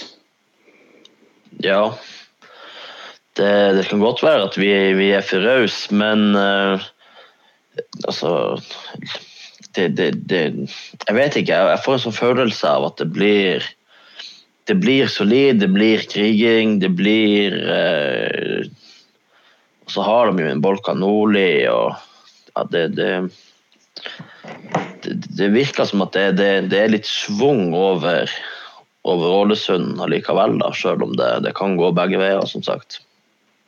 Ja, Hvis vi ser litt på logistikken til Ålesund Skal, jeg, skal jeg bla litt her, da. Men uh, du, ja, De har jo henta en uh, Ja, de mista Castro, som heller gikk til, til Brann. Uh, og så har de jo mista Jonas Grønner og Fredrik Karlsen og Andreas Lie, men de har jo henta inn sånn som en, en Sten Grytebust. Ja, det, han, han, var vel på det der berømte landslaget, hva det heter. Eh, Nødlandslaget. Ja. Mm. Eh, de har jo henta en stopper som ikke fikk spille så mye i Rosenborg fordi han ikke kunne kommunisere. Det, jo, det var jo det Åge Harde sa om Besim Serbesic. En solid bygga stopper. En typisk LAN-spiller, kanskje kanskje bedre enn alle de Rosenborg har på stoppeplass nå, da. Det sier vel kanskje litt. Stein Grytebust sa du, god keeper, eh, vanvittig. Det, det, jeg vil si det er en signalsignering fra Ålesund som viser at de, de har lyst til å lyst til å beholde plassen denne gangen. Ja, jeg tror både Serbesic og, og Grytebust blir essensiell sammen med en Bolkan Nordli for at uh, Ålesund skal, eh, skal ha, beholde plassen sin. Ja. Uh, så har de også henta en venstreback, Jeppe Mo. Han har vel over 100 kamper for Stabæk. så han ikke så mye i fjor, men det, det lille så, så er det sånn Skåra vel sitt første mål i fjor mot, borte mot, mot Sandefjord, da. men litt sånn hurtig venstreback. Du vet at Stabæk er flink og utvikle spillere. Uh, ja, så hvem ellers er det? Skal vi se, Nå var jo de nede i Obos i fjor, da, så vi må jo nesten gå og se litt her. Uh, hvordan det laget så ut. De endte jo på andreplass i Obos i fjor. Uh, litt trå start. Litt, kanskje litt typisk lag. Han han er jo kjent for å hente litt sånn Han gjorde det bra. Han henta veldig mye fotballspillere med litt sånn fysikk. Eh, ikke noe sånn veldig flink med talent, talentutvikling. Eh, var jo liksom det i Hødd, men, men, ikke i Brann i det hele tatt. Er, er Barmen fortsatt der? De, de, de, klarte å beholde Barmen. Det er jo eh, en sterk signering. Eh, han, han, kom jo inn i fjor litt på sånn etter kontrakten ble terminert der. Spilte mm. elleve kamper og skåra fem mål. Det, det, er bra fra en, en midtbaneposisjon. Eh, og det er jo litt sånn Får de han, han i gang, så kan jo det være bra. Forhåpentligvis ikke sånn festligheter, men at han i på banen Eh, er ikke mer enn 28 år. Bortan Nordli han har jo vi prata litt om her i, i podkasten. Spilte 30 kamper, litt sånn wing-type, skåra 10 mål. 22 år, eh, spennende spiller. Kristoffer Ødemarksbakken. Ødemarksbakken var skal akkurat nevne han. Ja, han var også litt, litt interessert i ham for noen år siden. Da gikk han vel til Ullkisa, og så endte han opp på ut, eller var på utlån der, og så endte han opp i Ålesund. Eh, I fjor, var det vel kanskje? Nei, forfjor. Eh, Sigurd Haugen, eh, 24 år, 30 kamper, 21 mål. Det er litt sånn Det slår meg som et lag som uten de store, store profilene, men som kan bli vrien å møte. altså. Vi skulle jo ha møtt i en cupkamp. Eh, sier som Ulrik, vi skal ikke prate så mye om det. Vi, vi har hørt diverse ting om det. Men eh, jeg, jeg, tror Ålesund kan overraske. Absolutt. Det er et lag som kan overraske. Det er ikke et, et topp seks-lag, men at de kan være midt på tabellen. Eh, denne gangen. Eh, sist de var i oppe, så fikk de vel her 11 poeng, om ikke jeg husker helt feil. Så Men de, de, de fikk litt schwung på det i fjor. Eh, tapte bare én av de siste ni kampene. Riktignok spilte de fem uavgjort, men tapte kun fire kamper i fjor. Jeg skal sies de slapp inn dobbelt så mye mål som det, det HamKam gjorde. Eh, slapp inn 43 mål. Men de skåra litt mer, skåra 68. Så kan de jo unngå å, å tape så mye så, som de gjorde sist, så kan det bli bra. Ja, nei, jeg tror Ålesund blir, blir årets eh, overraskelseslag. Og det er mye pga. de defensive forsterkningene. Og, og, hvis vi da klarer å, å beholde den svungen i angrepsspillet, så, så kan det virkelig bli, bli fugl i år. Mm. Så jeg la ut en, en, tweet her om at vi skulle inn og spille litt. og Det var kun en som sa jeg tror Tromsø overlever igjen. Det er som, ja, ja, tro det, det, det gjør man gjerne i kirka. Jeg, så ser jeg Forst og Tromsø har vært da. Og kommet med en latter-emoji. det de er i hvert fall interessert i hva vi gjør, for det er vel ikke så mye engasjement der heller. Det er litt sånn som Eurosport. Ellers var det ikke noe spørsmål. Nei, se her. Da har vi jaggu meg fått en gjest. Ja. Gjest. Gjest og gjest. Har dere klart å holde dere i tøylene? Ja, jeg tror det. Vi er kommet til tiendeplass, og der har vi sittet Ålesund. Hva tenker du om det, Per Magnus? Ja, jeg tror jeg kanskje jeg hadde satt dem enda litt lenger opp. Jeg tror de blir mer overraskelse enn uh, Altså, Ålesund har pinadø slått Molde nå i oppkjøringa. Har dere diskutert at de har solgt Castro? Nei, Castro. Jo, Castro gikk jo til Brann. Det har vi nevnt. Ja. Det, mener dere at det er et tap? Han spilte jo ikke så mye. Nei, kanskje det. Altså, vet ikke om han er den Tidligere, det har jo vært med han Fredrik Karlsen også. Det var jo nevnt brytebuss. Dere har sikkert vært innom han også, da. Ja, ja da. Ja. Og ikke minst det å beholde barmen. Egentlig. Det har vi også vært innom. Ja, ikke sant. Fint å oppsummere. Mm. Uh, så, nei, jeg har vært og vært, kjørt hele Nordmøre rundt. Jeg har vært i Molde. Jeg har vært i Kristiansund. Eh, så nå har svigermor fått seg et nytt bord i stua. Det var det eneste bordet som hun hadde lyst på i hele verden, så da måtte vi dit. Så da har ikke det. ja, får du barnevakt så du drar til Roma i påska? Og det håper jeg Nei, den, den ryker, den nå. Altså, det er så irriterende. Vi kan ta den da. Irriterende å være småbarnsbarn i 2021 og Glimt skal gjøre det så bra og skal reise rundt omkring. Det kunne skjedd alle andre år, egentlig, men uh, ikke i år. Uh, det er et sabla liv med, med en fireåring og en toåring i hus. Du får liksom aldri så mye fri. Så uh, skulle, bom, skulle, skulle vært litt, litt mer, litt mer, eh, mer tima på akkurat det her med Glimts suksess og den biten der. Men vi får ta det igjen. Yes. Kan dere ta jeg oppsummere til meg som ny lytter her? Kan Ja, dere også... vi kan, vi kan starte. Vi har, gått, vi har gått igjennom lagene litt sånn fra bunnen av. Der plasserte vi Jerv, men samtidig sier vi at det er ganske jevnt på egentlig alle disse plassene. Det er sånn Alle av disse lagene tror vi kan være nede i sumpa. Kanskje Ja. ikke Ålesund. Eh, vi hadde Jerv på 16.-plass. Vi hadde Tromsø på 15.-plass. Det ser mørkt ut. Ja, Haugesund spesielt også med den økonomiske situasjonen som dere sikkert har vært innom. Ja. Haugesund eh, på den berømte kvalifiseringsplassen. Ja, der har det gått veldig dårlig i treningskamper, så Ja. kan det være de kommer seg litt. Over der så var det HamKam, eller eh, Rosenkam, eller hva det kalles. det var det, laget i Trøndelag som heter Rosenkamp. Ja, ok, ja, det, det er Kam, Kammenborg. De er litt, eh, det er lille sånn farmelaget til trønderne. Det nye farmelaget til trønderne. Um, og det blir vel da på en uh, solid 13.-plass på Kamma. Så var det på 12.-plass Sandefjord. 11. Godset. Og 10. Ålesund. Og det er så langt det har kommet. Ja, ok, greit. Nei, men Det høres jo bra ut, det her. Det er jo litt endringer fra forrige gang vi prøvde å starte opp. Men, um, men Ja, uh, det har jo skjedd litt på overgangsmarkedet. Det har jo det. Eh, ja, og I tillegg så har Odd vært bra.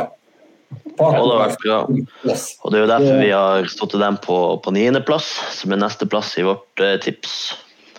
Ja, det det det er vel mye pga. at vi eh, de har ansatt en meget spennende trener i han, i han Paco. som Skal spille Paco-ball.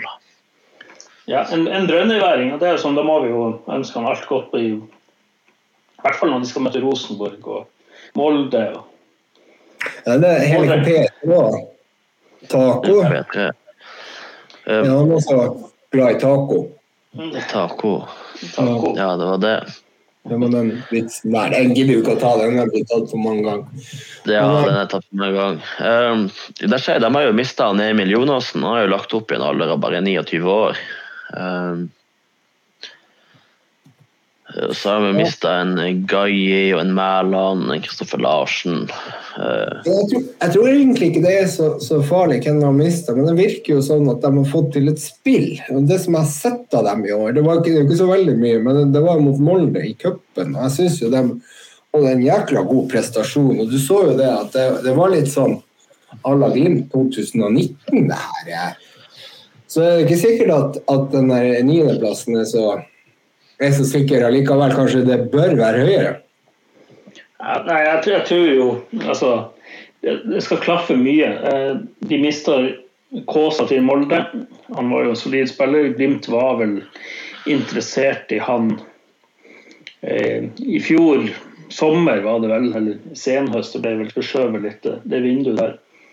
Så vel Sandre Svendsen er vel tilbake i Odense på lån, står det i hvert fall her på Eurosport sin side. Nå er det jo ikke de helt eh, troverdig, men eh, det vel, vi får vel tro det hvis det står der. Eh, var jo viktig for dem i fjor. Jeg syns jo Sander Svendsen er en veldig spennende spiller. Eh, Ja, ikke minst så skåra han jo mot Glimt i begge kampene. det det? ja, så, sånn ja, Litt sånn ung og talentfull fortsatt. Liksom. Han er vel 24 år, men har vel vært et sånn supertalent sammen med broren. Eh, men det gikk liksom ikke helt klart å slå igjennom ennå. Eh, men, men de fikk jo en spiller som Glimt var interessert i, en som han heter Abel William Stensrud fra Skeit. Yeah. Det, det, det, de fikk vel han. Um, Og og han skal kjempe mot Muritzen på topp, ikke det? det? ja. Det stemmer vel. Han går inn som en direkte konkurrent. Har han spilt noen av treningskampene, vet vi det? Jeg vet veldig lite om akkurat det.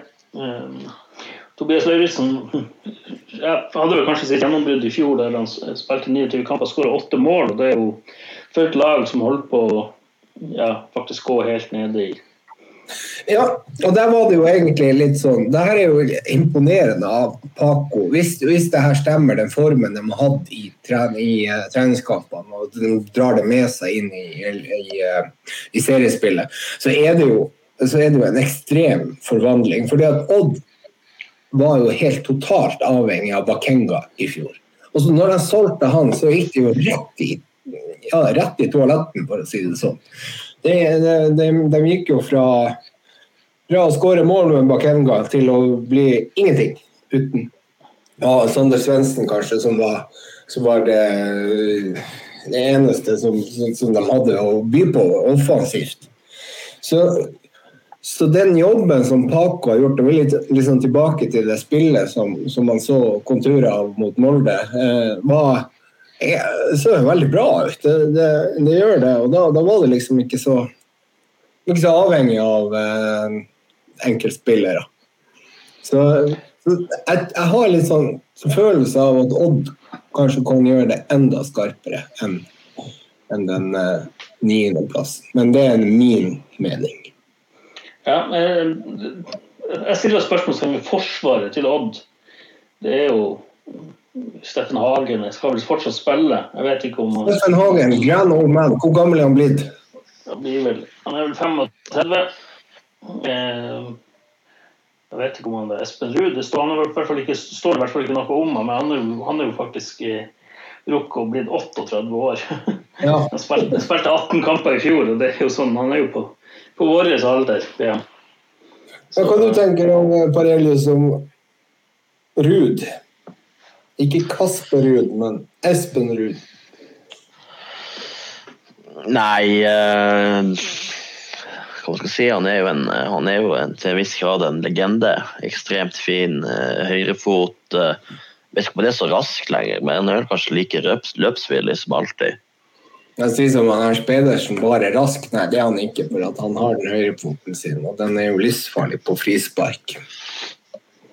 Ja da. Det, han, er, han, er, litt sånn uh, Philip Lahm, kan man si. Sånn uh, evigvarende høyreback.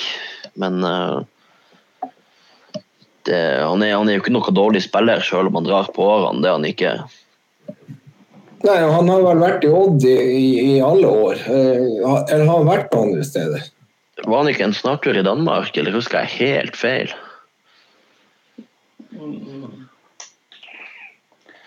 Jo, han har, har, har, faktisk 200 kamper i dansk superliga, eller 197. Da. Han har det! Snart, det skal jo da sies at han, han har 265 kamper i Eliteserien. Han har 7 i Obos, han har 34 landskamper, 13 U21-kamper. Og så har han da 10 gutter 19 og gutter 18 på landslaget, så det er jo en, er jo en erfaren mann.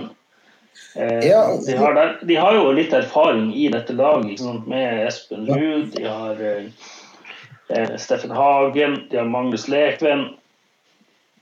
Så det er jo litt sånn hvor mye holder de? I tillegg så har de jo vår gamle kjenning, det er jo rart, han ender vel sikkert i Åsane ute ut på høsten. Milan. Kåre. Kåre Iriksen. Milan Jedtrovic, og hvor, hvor, gammel er han blitt nå? Milan Jedtrovic han blir vel 29 i år, skal vi se. Uh, han er faktisk uh, avbilda med Glimt-drakt. Han blir 29 år i juni. Han blir 29 år i juni. Tromsø døde da igjen, altså. Ja. Det, mm. Men han skåra ikke noe i fjor? Nei, han hadde ikke noe sist heller. Men han starta bare én kamp og hadde ti innbytter. Så eh, får de Milan i gang, så er det jo litt sånn Han har jo Ja, han har jo spilt både i Tyrkia og i dansk superliga for uh, Our House. Eh, Eliteserie for Rosenborg, vært i Glimt og eh, Ja det er jo en erfaren spiller, men jeg vet ikke hva jeg skal si. Jeg hadde noe noe som for noen... Det er, det er jo litt sånn at, at Vinga når du har, Han hadde jo en ekstrem fart og den biten der, så det er jo vel det at det begynner å begynner, begynner å halte litt. Du begynner å bli litt gammel når du er 29. Beklager, Trond Olsen. Men han er jo fortsatt ung. Ja, men uh, vi kommer jo ikke unna, uh, unna å snakke om eh, Kitolano-brødrene. da. Jeg syns spesielt Ja. eh, Josh Kitolano på, på midtbane er veldig spennende. Men eh, John Kitolano er han venstreback. Han, eh, Ja, han er det veldig, det skal ikke ta noe fra han heller. Jeg synes de, de er veldig spennende spillere. Så har de jo en ving også i, i Konrad Vallem, som eh, hvis man spiller fotballmanager, eh, en del i norsk serie. Kjenner jo til Konrad Wallem, var vel eh, i, i Arendal i sin tid man kunne plukke han opp tilnærmet gratis. Kjempetalent på, på fotballmanager i hvert fall. Det, det er gøy hvis han kan få det ut i, i virkeligheten også. Og, eh, og nå med han var type, type Nick Rios Haugen, som for oss som spilte eh, CM3. Der hadde du en fra Bærum eh, som var helt ekstrem. Hvis du hadde han på laget, så vant du Champions League med Bodø-Glimt. Kjøpte du han og Jone Samuelsen, så ble det helt kanonbra. Og Jone han spilte jo faktisk på Odd, gjorde han ikke det? Jo, han gjorde vel det. Jo, så han hedda jo hedda i mål fra Han var den som har verdensrekord i lengste scoring med knoll. Eh, Ja, han har jo så vidt eh, mer hår på hodet enn deg, Bjørn Einar. Det, Ja, ja. Eh, Men men så har de, har de jo en spennende talent. De har jo han der Philip eh, Jørgensen. En 2002-modell som i fjor hadde 27 starter og skåra to mål. Det er jo eh, Det er jo greit, det å være Ja, det året du fyller 19, så, så spiller du 2300 minutter i Eliteserien. Riktignok for et, et dårlig lag, da, men eh, hva skal jeg si, Får Paco det her på stell, så kan det bli bra. De, de spilte jo Ja, veldig bra mot Glimt i fjor. Men, men hør nå her, da. Altså, her er jo uh, Har vi sett uh, nummer ti? Det er jo Kachi. Kachi. Kachi. 24 år. Dere vet jo at han har vært inne hos oss. Det var vel ikke uh, Var det for lov? Det var ikke noe høydere, det var ikke noe høydere det. Ikke om han har prestert noe særlig etter Men eh, altså, når du har, når du har prestert å få drakt over tid, så, så må du jo må du jo ha gjort noe. Hæ? Det er det bare altså, Får du tiden bare på å kaste her draktene? Eh, Førstevelger. Ja, første vel. Eh, Har han vunnet stein, saks, papir der, eller? Eh, Det må jo ligge noe i det her. Og ikke minst av Flamur Kastrati. Nei, han har jo gått ifra, kan det? Er han det? Ja, eller, ja vet da faen. Eh, Han, han er, det er jo ikke vits med en spiss som aldri har skåra. Nei, han kom vel kanskje der Jeg vet da faen. Ja, nei, men eh. Ja, men eh, Kastrati som har åtte mål på 59 kamper i KBK som spiss, altså, han, er, han er iskald. Det, det, han, han, han, altså, han har fysikken på, på sin side, men eh, Og så er han jo sint også, litt hissig, han og han Fagermo eh, for noen år siden på Intility. Men eh, jeg tror ikke jeg tror ikke det blir så mye mål fra, fra han i år heller. Det, det må være lov å si. Nei, men altså, er vi, er vi, Det står jo ingenting om overgangen på Flamur. Han mente at han skulle gå til Vålerenga, men eh, Dag Eilif vil jo ikke ha han. Så, så da blir det vel Odd. Kanskje han Jokke vil ha han. Kanskje han Jokke vil ha. Vi, vi har jo prata om det før du kom. Han er sirkusmannen! Flamur Kastrati kommer inn her! Det er, det mange sånne der, så det er jo litt sånn Nå er det en fotballekspert som har lagt hodet på blokka der, så det Har dere vært innom det her? Ja da. Ja, Ja. Du vet det bare å hente han Pa Konaté fra Rosenborg. Ja, han, han Paco Nate, det, det, han, må, han må ende opp i Vålerenga. Nei, men, men Var det er sånn, når han spilte for Fredrikstad? Ja. ja. Nei, det, det, det blir, det blir. Så, så vi, vi, vi priser jo dette og liksom sier det kan jo bli Ja, veldig men altså, morsomt. når jeg ser på stallen her, så er den jo ikke ille, da. Altså, sånn sett i forhold til Ja, men eh, Men jeg tror Paco sin spillestil kommer til å berge både plass og eh, kommer til å overraske årets eliteserie. Jeg er egentlig litt sånn i, i Men jeg har også troa på det laget som vi var innom, eh, Ålesund. Så du må jo ha noen der nede, og det jeg tror det blir tight mellom på si femteplassen og, og helt ned til 13. Vi pratet om det akkurat før du kom inn. Jeg tror at Ja. Sånn fra sjuende og nedover, altså fra eller åttende og nedover, sjuendeplassen, det er jo et lag som Fra, fra Vålerenga sin plass, da. Altså sjuende. Ja. Og så, nedover der er det sånn at egentlig alle lagene Det er så små marginer som skiller der at eh, alle kan ta en åttendeplass, men alle kan også rykke ned. Med, det er både tur, utur og skader og ja, karantene og ja, dommeravgjørelser kan avgjøre det. Og, og det, det er jo morsomt eh, så lenge ikke vi er en del av det. Ja. det, det, det, det er jo morsomt å ha en så åpen serie. og Samtidig er det litt sånn eh, Til de som er slutt, sluttspillfans, så er det sånn at eh, Vi var jo inne på det at eh, vi fikk jo to tap mot Odd i fjor. Vi tapte mot eh, Vi spilte uavgjort mot eh, Godset borte. Spilte uavgjort mot Haugesund borte. Det er en del av de lagene der som tok poeng fra Glimt. og Det, det sier litt at de kan på gode dager. og Det sier også litt om hvor jevnt egentlig Eliteserien er. da. Men jeg tror vi skal hoppe et hakk opp. Skal, ja, hvor, hvor langt skal vi ta i dag? Vi tar til og med, til og med Vålerenga. Ok, ja, greit. Da, da er det sånn at eh, da skal vi bevege oss holdt på å si, over fjorden fra Nå heter det vel Telemark, eh, der de ligger, Odd, og over til gode, gamle Østfold, som skal bli eh, Viken fortsatt, men skal bli et eget fylke. Og Da er vi kanskje Norges kjedeligste fotballklubb. Ja, men hva? Sarpsborg Sarpsborg og Odd. Det, det er to, to kjedelige fotballklubber. Det eneste som jeg er setter pris på. Altså, ja, OK, greit, det er nok ikke Men de har jo Thomas Berntsen som prøver å være litt sånn sirkusdirektør. Ja, der har du han.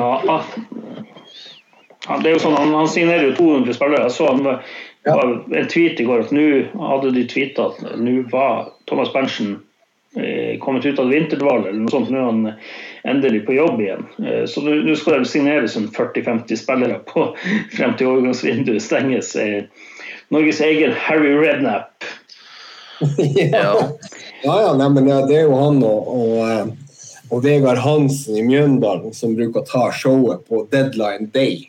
Um, men um, der er, jo, der er jo han der eh, Kone. Er han fortsatt i Sarpsborg? Nei, han ble solgt. Han ble solgt. OK. Bra. Nei, men de har jo noen spennende spillere. Um, de har jo den, den gamle fryseboksen deres, og Christian Fardal Opseth. Um, jeg, jeg har jo lenge vært fan av en, av en Steffen Lie Skålevik, som kanskje ikke helt har fått ut potensialet. Uh, begynner å, å dra litt på årene også, så han er kanskje ikke spennende lenger. Men uh, ja, de har jo en uh, Kamara på topp.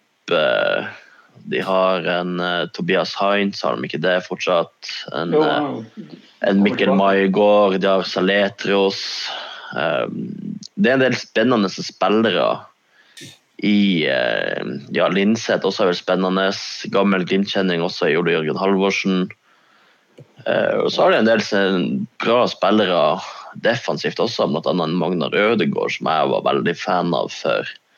Ja, det begynner å bli sikkert en fem-seks år siden, men jeg syns Magne Magnar var en veldig bra Ja, det har han gjort, men jeg syns han var en meget bra stopper en gang i tida.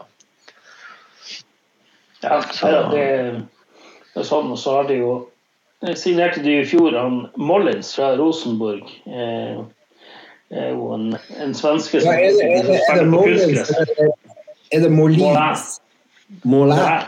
Målet Vi vil ha- Hvis de kommer ut i Europa, så blir det vel målet Molins. Ja, men, ja. Nei det, det, det, det, det kan jo skje mye.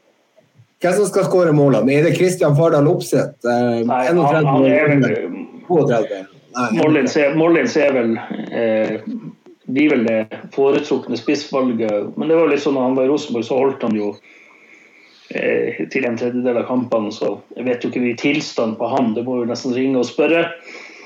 Eh, men eh, men eh, en, en, De satser på rutine fremme med Mollins på ja, 33, han blir kanskje 34 i år, og en par Lopset, han blir vel 32. Mm. Det stemmer ganske greit. Mollins. Ole Jørgen Halvorsen er også begynt å bli voksen mann, han er 34. Fem, ja. ja. Ja. ja vi, vi, det, det, er jo litt sånn en shout-out til Det sto jo litt i avisa Nordland om det. Ulrik nevnte det i Høya fotball. Ungene til han, Ole Jørgen Halvorsen er Glimt-fans på sin hals. Kun Glimt som betyr noe. Det, det er jo fantastisk. Det, ja, men det er deilig, det her. Hæ? Ja, deilig. Men, Så, men, eh, men, det er litt sånn eh, Også her, jeg syns jo de De spilte jo begynte jo tidvis, når, når sa han skulle slutte i fjor, så begynte de å få litt sving på det. Eh, det er jo litt sånn eh, Ja, nå var det vel kanskje ikke helt match mellom han og Berntsen, sånn med tanke på Boeren. Han, han er en trener som står for en, en, en fotball som spillerne liker. Spiller, skal ha ballen i laget, spille eh, ja, fokus på, litt fokus på detaljer. og eh, kanskje litt sånn spillerutvikling. Men allikevel, det litt sånn det, Han treneren deres har jo fått litt sånn skryt, eh, uten at jeg, han er helt ukjent for meg. Da. Ja. Kan du ta treningskampene deres, da? Så vi klarer å tolke noe ut av det her. Eh, de har jo da eh, I februar så har de spilt mot Sirius. Sirius. Hvor, hvor, hvor er de Hvor er de kommet fra? Finland, er det? Sverige. 1-1. Og så er det Hekken 0-0, altså Pei Mathias. Eh, og så er det Hekken igjen 0-0. Ja, det er to. Nei, det er ikke det er samme kamp. De kan ikke spille to ganger. Og så har de spilt mot Botheim og Krasjnodar. Og der vant de 3-2. Og så er det jo da Fredrikstad 2-1 har de vunnet. Og så har de da slått KV5 Oslo i cupen 5-2. Og så er det jo vel Eh, så røyk de vel mot Molde, da? Gjør de ikke det? Jo, de fikk vel. Men det var jo uavgjort. De holdt jo dem til uavgjort på i Løkken. Så det er jo ikke, det er jo ikke noen sånn herre um, Vi ser jo at de, de har golla litt mål også, så, så, så det umiddelbare tapet av Kone er vel ikke helt Det er ikke helt kølsvart offensivt. Skal vi tolke det? Ja, nei, men det er jo Vi har jo fått Vetti. Vi spilte jo ikke han så mye i fjor, skada, men det, det, er litt sånn eh, Det var en spiller vi absolutt egentlig ikke ville selge. Han var jo arvesølvet deres, men kontrakten begynte å nærme seg sånn at uh, han, han, ville gå til Norges beste klubb, og det er jo fullt forståelig, det. Setter jo veldig pris på det. Jeg likte veldig godt det jeg så av Vetti i i cupkampen mot Lillestrøm. Um, klart Det vil jo være et tap, selv om han ikke spilte så mye. Det er jo litt trening og miljø og alt det der, så Men, men ellers er det sånn ja, Som vi, som vi sa, Sarpsborg de kan de, Når de kommer opp på de lagene som begynner å nærme seg Vålerenga her, så kan de vippe seg opp. Men, men de blir nok neppe å krige seg inn på topp seks. Men de kan hende på, på, på sjuende. Jeg ser jo at det er mange som har troa på Sarpsborg i år. Uh, og det, det, er nå egentlig litt sånn Jeg er ikke helt uh, Men uh, er det noen forklaring på hvorfor det er litt sånn optimisme der i Østfold? Hvis man skal kalle det Østfold lenger. Nei, jeg ser, ser VG har det på sjetteplass. Det er vel litt om trevende, egentlig. Det, er jo overraskende høyt, er ikke det? Ja, jeg vil jo påstå det.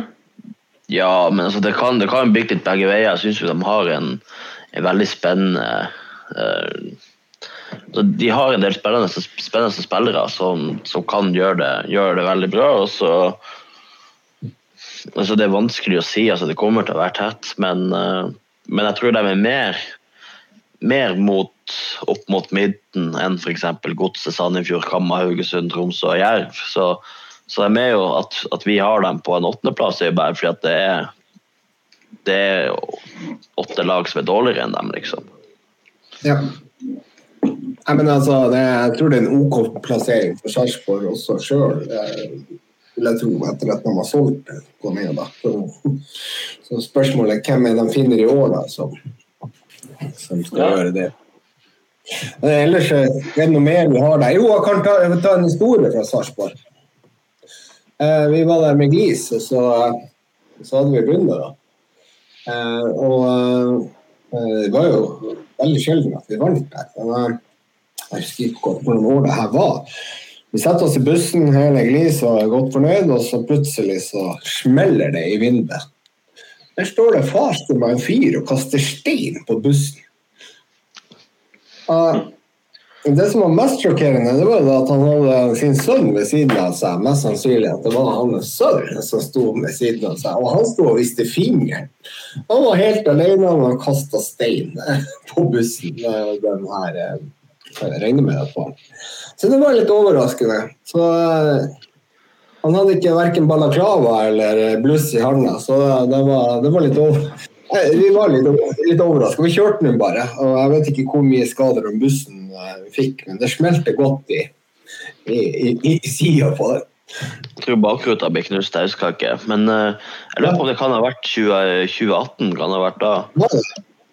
Jeg lurer på det. Jeg husker jeg la ut en tweet om at han var jævla tøff, han idioten uh, som heier på Sarpsborg 08 og hadde på seg skjerf og drakt og, og sto der i lag med sønn og kone og kasta stein på bussen vår. Ja, Så det jeg ble eh, jo ringt opp om det var dagen etterpå eller om det var på tirsdagen, det husker jeg ikke, fra, fra klubben. og bare sånn, ja, om, eh, om vi hadde noen bilder av han eller noe sånt som, virkelig, som ytterligere kunne hjelpe å identifisere han, for det var virkelig ikke bra. så de skulle ta tak i det med en gang. og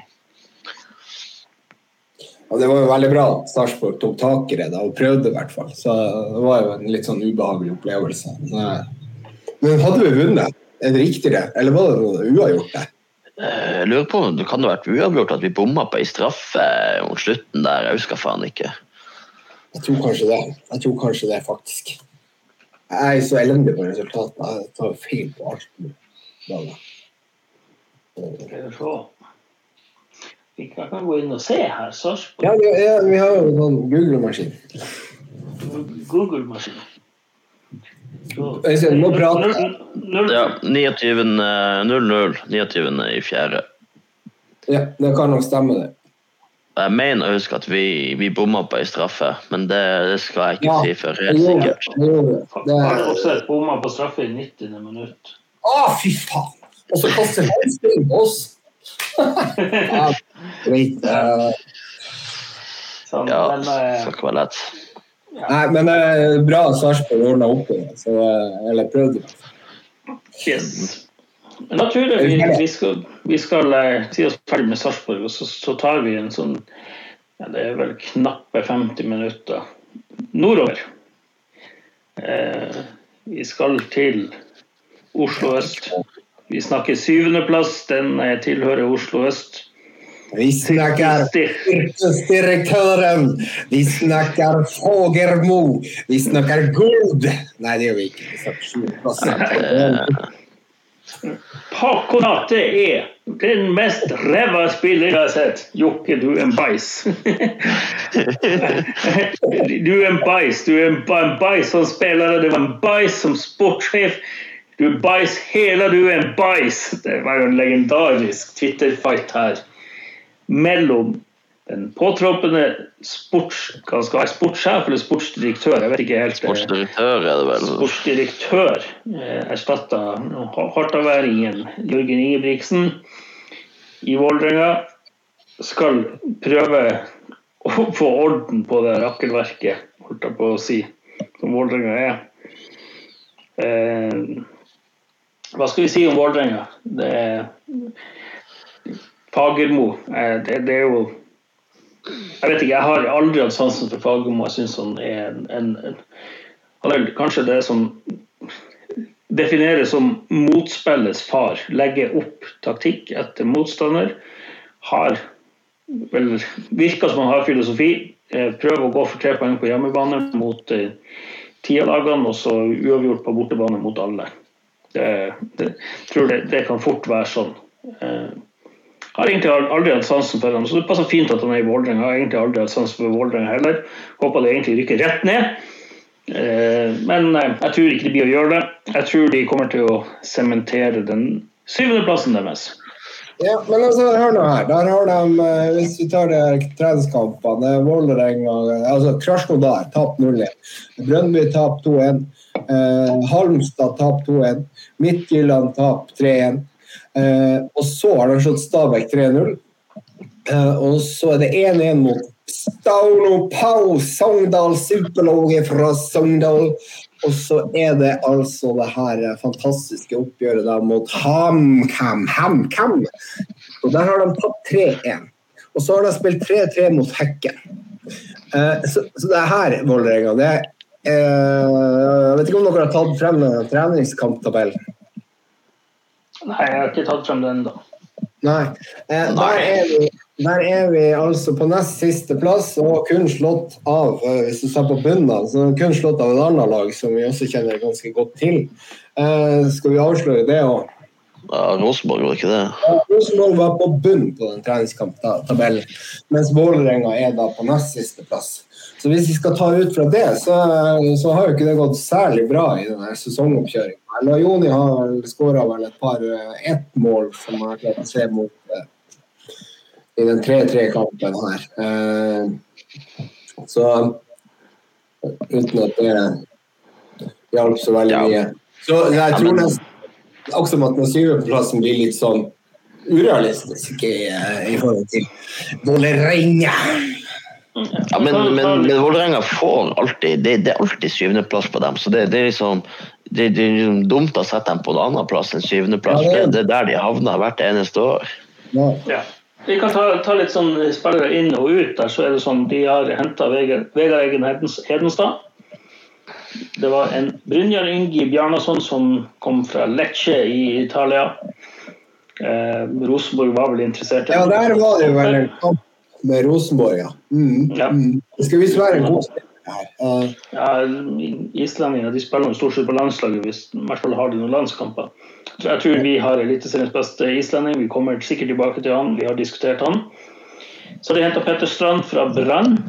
Det er jo en erfaren mann. De betalte vel Ja, det er jo en egentlig god signering hvis ikke det har vært Vålerenga som henta Og så har de jo et og annet agent Hurlumhei her, da med han der Ismael som ble solgt til Lorraine i Frankrike fra Fredrikstad. En ja. lån direkte ut til Vålerenga. Han er på lån frem til sommer. Så, så, det er liksom, de har et tre, tre og en halv spiller. Eh, men det er, jo, det er åpenbart at de trenger hjelp, og det, til det så henta de en svenske som svensk sirkusdirektør. Men sirkusdirektøren. Men så er det jo det at uh, han der uh, Fredrikstad-boyen som uh, Hva du kalte han for? Ismail. Ismail. Han, han, han har jo vært ettertrakta overalt, ikke sant? Og ble solgt til til, til Lorraine. Altså ut til Vålerenga. Er, er det her en Jim Solbakken-variant? Er det? Kan jo egentlig se litt på Høres jo sånn ut. Det er litt sånn Det er vel han ellers. Men uh, der skal det jo være mye, mye fart og, og tæl. Det var jo flere som var på jakt etter den spilleren der, og han endte opp da i utlandet. Det var sikkert en fet kontrakt med, med gode uh, euros i pungen. Uh, så det, det, du kan jo liksom forvente kanskje litt fart og fres der fra han. Ja, han er jo en venstreving, så det er jo en Lajoni-konkurrent. Ja, så Halvor, du må, må sitte på tribunen igjen. Man sitter på tribunen. Tribunemann, jeg så, så bildet. Av Rolex, da. Ja. ja. Sitte og se på klokka der. Det blir bra. Sitte og se på klokka. Hvor tid vil du? Ja. Det blir kjempefint. Det er ikke Jim, Jim Solbakken som er ja, Du kan sitte der og klage over at han blir behandla så dårlig av Bodø-Glimt. Solleppa kommer der. Ja, men, altså, Hedenstad er jo sikkert en uh, helt OK variant. Ja, men, men, samtidig så er det sånn at jeg stiller spørsmålstegn ved keeperplassen. De, har, de mista jo han til Leeds, han Klasson. Eh, jeg mener jo at han, at han ikke er på landslaget når de henter Karlstrøm, det er jo egentlig utrolig inn i troppen. Men han Klasson, har han fått nå eh, sesongkort på Ellen Road, eller, eller får han Ja, han ble debuterte nettopp, så men, ja. Til han. Det er, jo, det, det er jo en prestasjon å være keeper det, og debutere i Premier League. Jeg syns Klasson var en, en ja, spennende keeper, hakket bak Nikita, men uh, en god keeper. De har en haug der nå. Ikke imponert, uh, det må jeg si. Uh, skal vi trekke frem noe som, som er litt spennende i Vålerenga, så er det jo selvfølgelig Sarawi. Han fort blir solgt i sommer. Mista mye av litt sånn offensiv uforutsigbarhet med han, da. Så syns Henrik Bjørdal også er en, en, en, spennende spiller. Ellers så er det mye mellomjølk i Vålerengen. Kan vi ta litt om han? Hva det var slags en liten flørt eller en spøk, eller hva det var med det Bodø-Glimt-opplegget der i, i uh, Nei, Jeg hadde vel et eh, gult, gult, hjerte på en tweet med et bilde av en Glimt-spiller og sånn sånn respekt eller noe sånt. Og uh, da var det vel uh, var det Glimt av verden som kokte suppe på spiker, og, og, så ble det Så gikk det litt, en liten farsott på Twitter der, selv om det kanskje aldri var noe, noe hold i noen rykter. Jeg tror han skulle til Glimt, egentlig også. Nei, nei, men, nei, men det, det, hadde jo vært en, sikkert en fin signering. Men um, Nei, det var ikke noe mer enn det. Jeg bare hadde et eller annet bak i bakhodet, at det var et eller annet der. Men uh, ja. vi, vi, vi, vet jo, vi, vet jo, at det har vært interesse fra Glimt for en annen spiss der. Eh, Henrik Uda. Ja. Eh, en spiss som eh, var veldig god i Åsane. Skåra mye mål. Eh, litt sånn boksspiller, litt uforutsigbar. Men eh, han er andrevalg der bak han Eddie Eagle, holdt jeg på å si. Han Ørn fra Island. Um, tror ikke han blir å få spille så mye. Uh, men, men Udal er en spennende spiller. Men um, ja gjenstår å se om han klarer å etablere seg og ta nivået her. Joni, de har jo fått han Bippe Stankelbein på Mip på venstrevingen der, og nå har de jo Ismail som skal utfordre. Ja, og blir å ta plass garantert. Så, så, er det litt sånn eh, Som jeg sa innledningsvis, Fagermo eh, tilpassa seg mye motstander. og det er jo sånn I fjor plutselig spilte Bjørdal høyreving, plutselig spilte han høyreback. Eh, det, det, er litt sånn, Han spilte jo litt overalt, egentlig. og er sånn de jeg tror de skal slite med å holde sjuendeplassen, for å være helt ærlig. Men det, det, er jo litt sånn ok, de, har kvalitet nok i laget til å klare det. Men så er det sånn plutselig så selger de Sarawi, og eh, Ismael drar til Lorraine, og eh, ja, han der ser at Jatta ikke nødvendigvis slår igjennom. Så er det sånn plutselig så er de på tiendeplass. Det kan fort skje.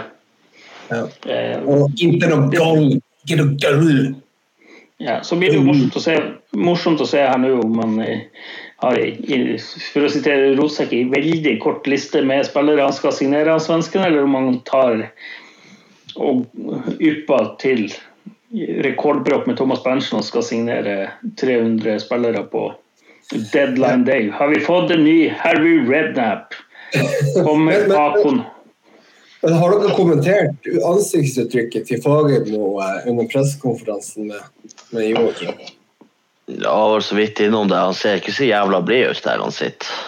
Han ser jo rett og slett deprimert ut. Er, det er jo, han er jo Det er jo ikke en mine. Er han blitt påtvunget uh, jokker her, eller? Altså, det, Liker Fagermo å styre sirkuset sjøl? Er, er, det der vi Skal vi tolke det sånn? Kanskje det kan komme en liten reaksjon av det også i forhold til motivasjonen eh, som trener der? Jeg tror jo det at Fagermo er en, en, Han har jo styrt alt i Odd sånn, uten at jeg kjenner veldig sånn, det jeg leste, har han styrt Odd alt sammen. Vært både sportssjef, vært både jeg holdt på å si, hovedtrener, eh, sportssjef. Vært den som har omtrent gjort, gjorde alt der. ikke sant, og Hadde jo sånn ok suksess ikke sant, i Odd. eh, Men spilte jo dørgende kjedelig fotball. Fryktelig fotball. Eh, så er det jo litt sånn Hvorfor gikk Ingebrigtsen fra fra Vålerenga, var det motivasjon eller var det samarbeidsvansker? Eller var det rett og slett at de, de bomma, for de bomma mye i fjor. Eh, så er det nå at nå skal de begynne å hente inn kvantitet eller kvalitet, eller hva skal de? Eh, det er dyrt. Nei, men det, det var en spiller. Ikke eh, Totland, blir ikke han henta? Ikke, ikke han? Hekken. Nei, ikke Hekken. Ok, greit. Beklager. Han, var også som Per, per Mathias. eh. Thomas Totland er en eh, veldig god sp- spiller.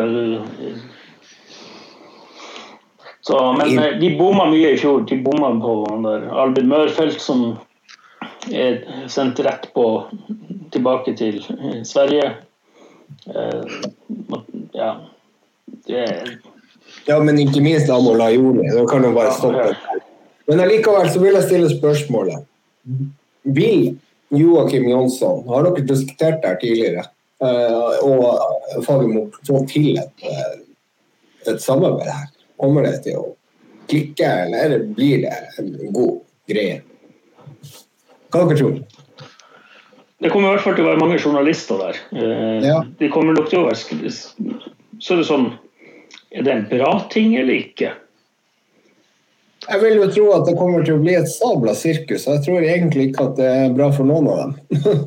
så selv om Joakim er glad i det sirkuset sitt, så, så blir det jo eh, blir det jo da jeg, jeg tror altså, det, jeg tror begge er jo jækla gode i medgang, men det er jo vel de fleste. Og jeg tror ikke den medgangen kommer. Hvis vi ser på treningsresultatene? Vi kan jo egentlig lese litt ut eh, treningskampresultatene. Vi kan jo se litt på det, men det er jo ikke dermed sagt at det blir sånn som det er i, i, i, eh, i Eliteserien. Så Det er jo eksempel KBK i fjor som ikke skåret et mål. Så ut som de var i ferd med å rykke ned i uh, preseason. De skåret ikke ett forbanna mål før sesongen starta, og så, eh, så gjør de det jækla bra. Eh, jeg vet ikke om vi klarer å se det samme med, med Vålerenga, men det er jo kommet inn noe, definitivt noen, gode fotballspillere i det laget. Så ja. Eh, hva du tenker du, Øystein? Nei, altså det, det er vanskelig å si, men uh, altså Fagermo, hva, hva det beste han har fått? Er det, det bronse, eller var han oppe og nikka på andreplassen med, med Odd i de beste årene? Det er jeg usikker på.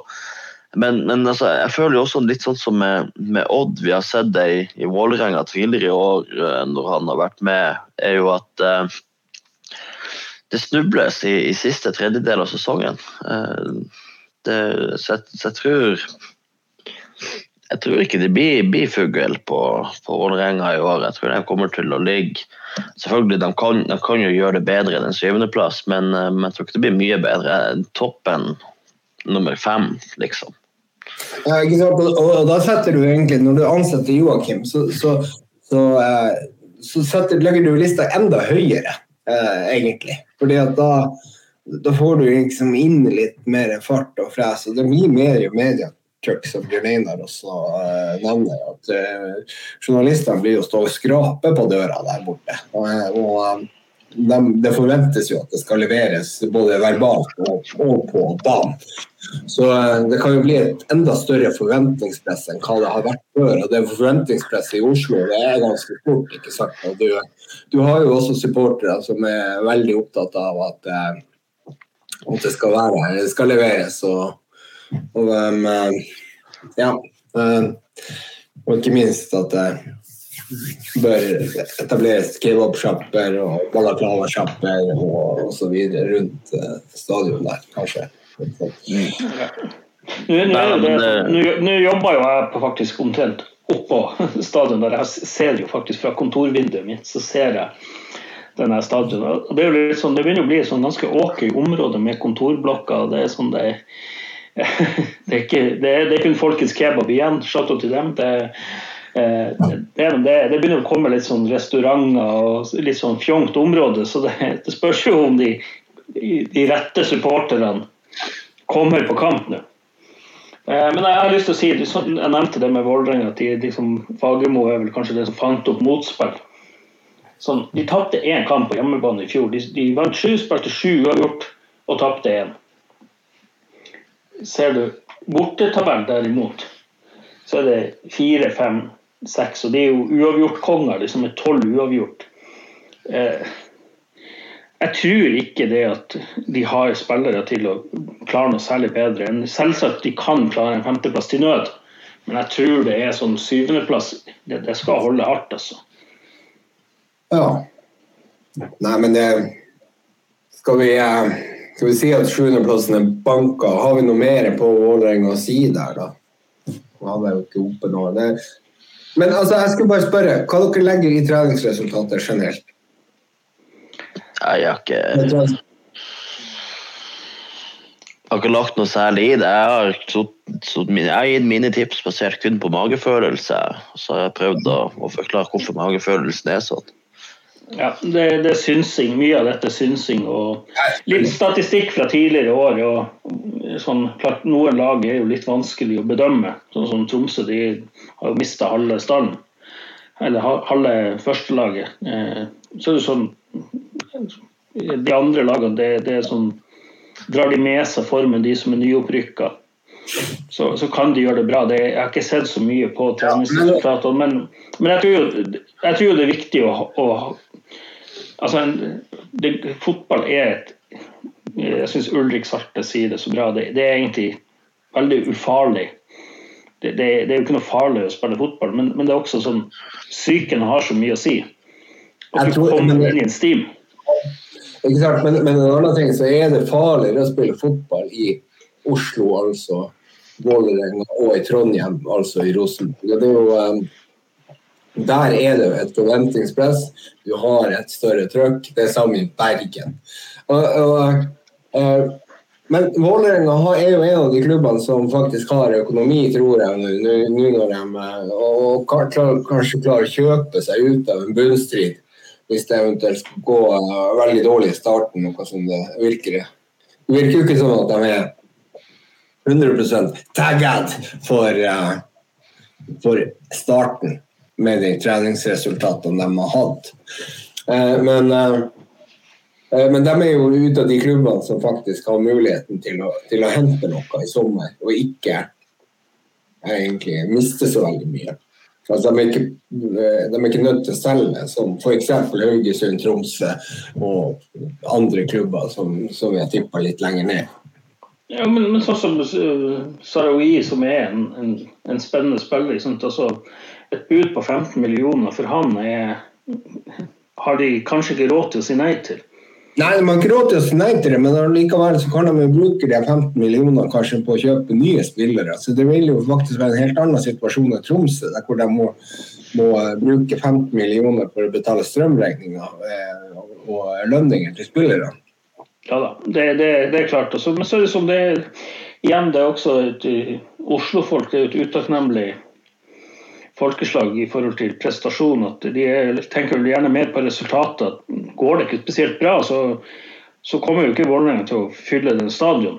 Nei, men altså, og Der har du jo egentlig likt med Oslo-folk. altså Dag Eli Fagermo han driter jo hvordan det ser ut så lenge han vinner. og det er jo egentlig Han og Kjetil Rekdal har jo egentlig den samme tankegangen der. Eh, så, så det De har jo ikke bygd noe Jeg føler jo ikke at de spiller noe eget spill i, i Nei, det... Gjør de det? Nei. Det er du sier. Sette opp laget etter motstander. Jeg har jo sjelden vært noen særlig god plan. Eller? Nei, ikke, ikke, for å Du, du kan til nød klare en tredjeplass med litt tur. ikke sant? De andre lagene ikke gjør det kjempebra, men, men eh, ja, som sagt, jeg har null tro på Vålerenga. Eh, mulig dette synsefòret tar feil, men, Men det ser ikke bra ut. Det er mulig Jokke kommer inn og signerer en Paconate eller henter opp noe, noe spennende spillere. Men så sånn, de skal jo passe inn. Det, det jo, tar jo tid å få de inn i et system. Det er jo ikke, de har jo ikke råd til å hente kvalitet som, eh, som som er Premier League-kvalitet. Ja, altså, hvis, hvis, du har råd til å hente Joakim Jonsson, sirkusdirektøren, så, så har du vel råd til å hente en spiller to òg? Eller hva, Joakim, hva du skal ha?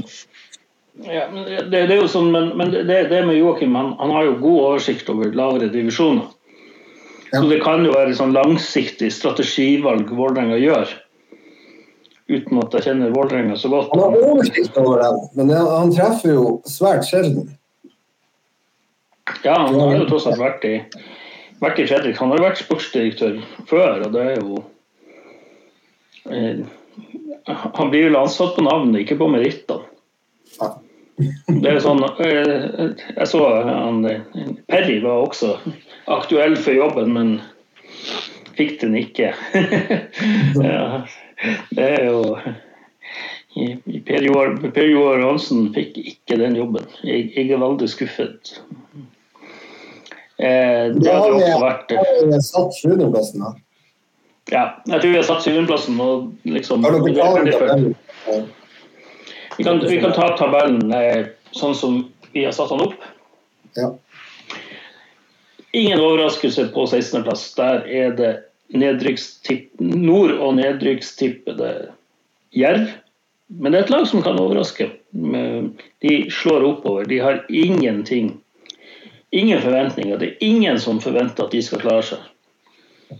Eh, skal ikke se bort fra det at de plutselig vinner noen kamper og karrer seg opp til en kvalik, eller til og med klarer å berge plassen.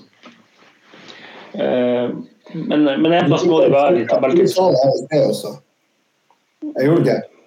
Jo, du sa det når du kom inn. Tromsø er jo der. Eh, som sagt, du har, du har, nevnt litt, vi har nevnt mye.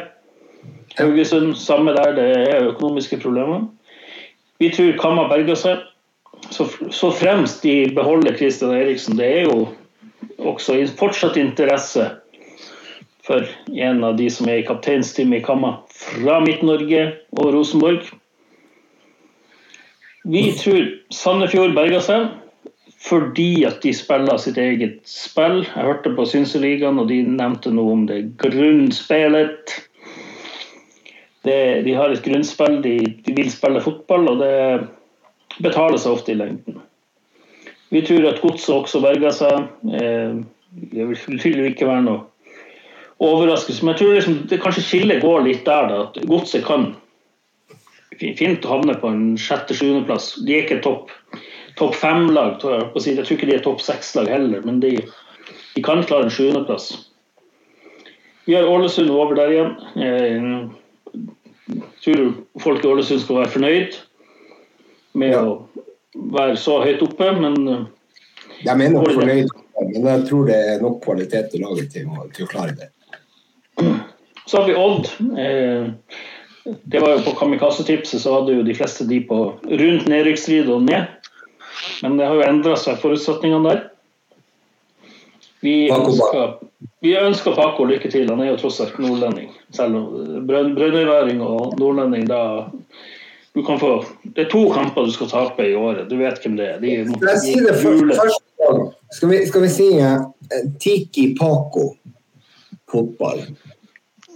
Det er det første. Skal vi finne opp det uttrykket? Altså, skal vi se om det er noen som tar det i løpet av sesongen. Ja, Synseligaen har Paco Poco, så det, det er jævlig vanskelig å uttale. Ja, men det er Paco. Men Jeg syns det er bedre. Um, så har vi Sarpsborg. Og til slutt på den syvende plassen i denne runden av tabelltipset. Sirkuset på Oslo øst, ledet av jeg holdt på å si, Nå har de fått to sirkusdirektører, men Jokke Jonsson og Dag Eilef. Det er så langt vi kom i dag.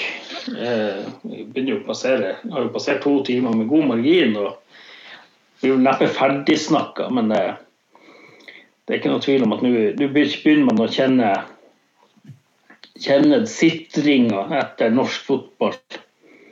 Lands, landslaget det, det nevnte vi ikke. Landslaget hadde jo sin største seier på 30 år.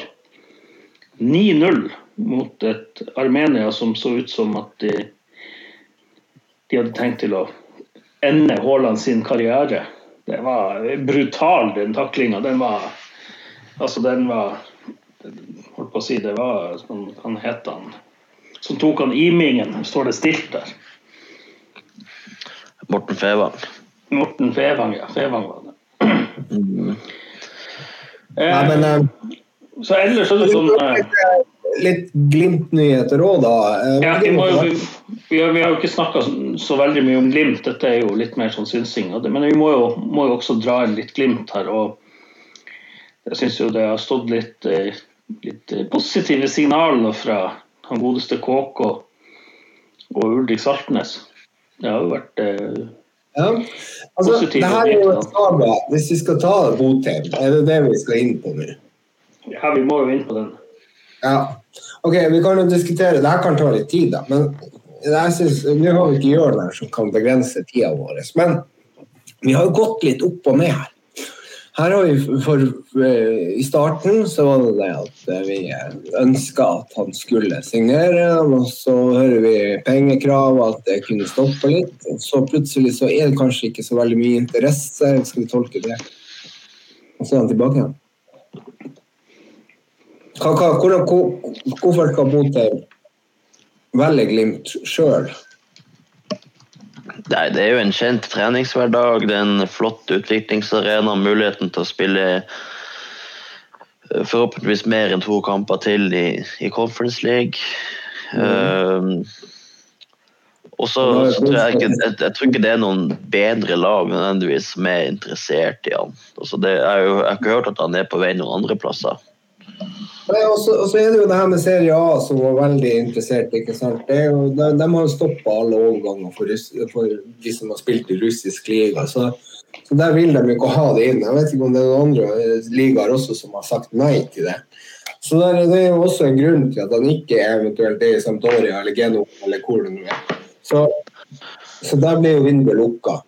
Men samtidig så er det sånn som jeg nevnte egentlig for den podden si, mange uker siden, det var jo det at den tryggheten som Glimt kan servere han eh, rent personlig, at han får litt ro på ting og, og, og, eh, får lov å komme seg inn i et trygt miljø, som du sier, Øystein. Så, altså, så foran det utstillingsvinduet som Roma er, han har jo gode stats mot Roma. Han har det. Mourinho døderen. Ja. Men så kommer mennene, og det er jo det at vi har to andre spisser i klubben som faktisk har begynt å komme seg litt i form. Det her nevnte jo også Trond Olsen litt. Hva slags tillit gir det Boniface og eh, Espejord? Hva, hva, tenker vi der? Er det et signal til dem at nå må dere pinadø ta dere sammen? Jeg føler jo egentlig at det er tredje eller fjerde gangen vi diskuterer det her i podkasten. Ja, men... Det er ikke nødvendigvis er så mange nye poeng å, å si. Altså, det, det er Espejord og Boniface trenger spilletid. Og ja. begge to har jo sett visst svært lovende takter. Så selv, selv om Boniface Nei, selv om Botheim ja, er en god spiller, så tror jeg at toppnivået til Espejord er mye høyere. For han skal få det ut, så er han nødt til å spille kamper. Ja, men, men allikevel, er dere pro Botheim? Eller mot? Det er sikkert en fin fyr å ha i stallen, men eh, det er liksom, skal han spille fast og ta ifra Espejord og Boniface spilletid? Det...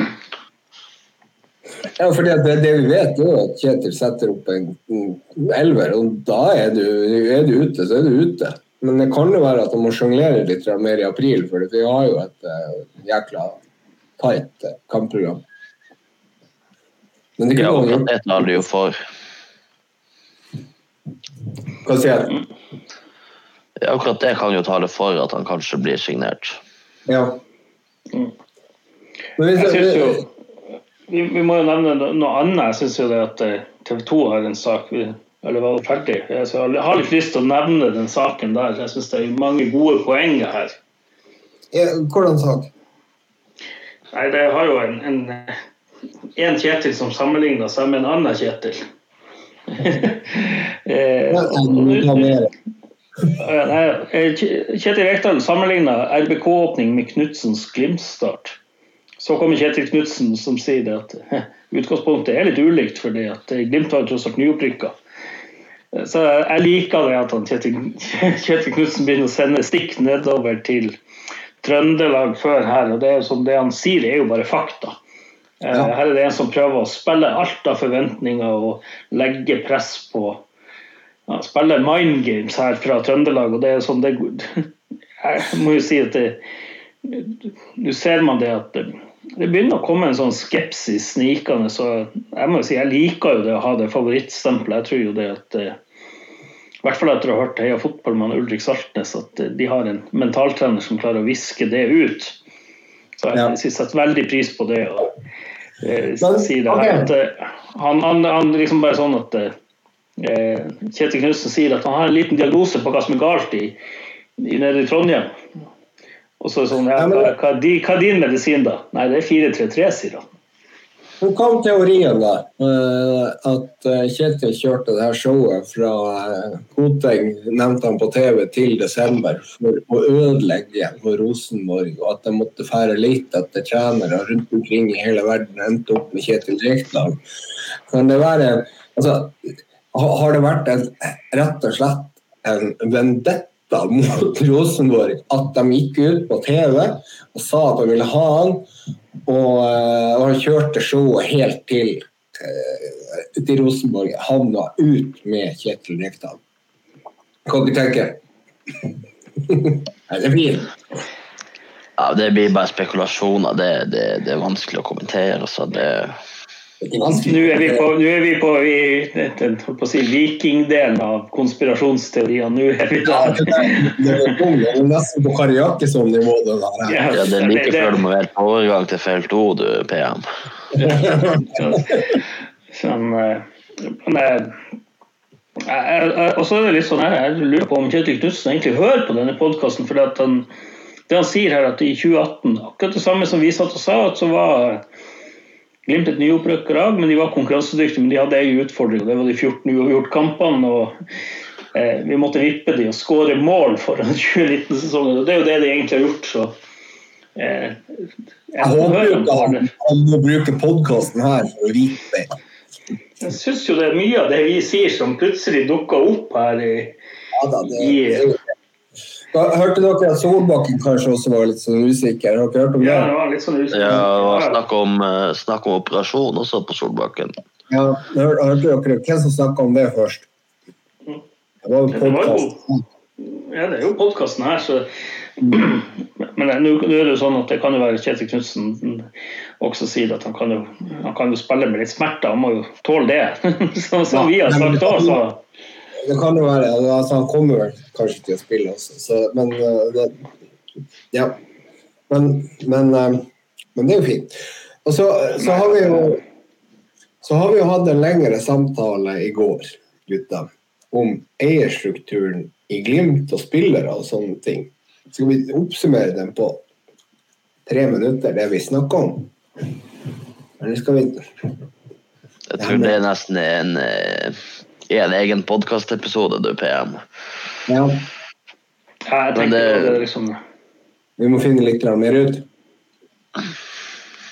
Ja, men vi brukte jo to og en halv time i går på det her eh, og, og satt og prata, så det er klart at det det om vi lar, lar seg summe opp i løpet av, av to og et halvt minutt.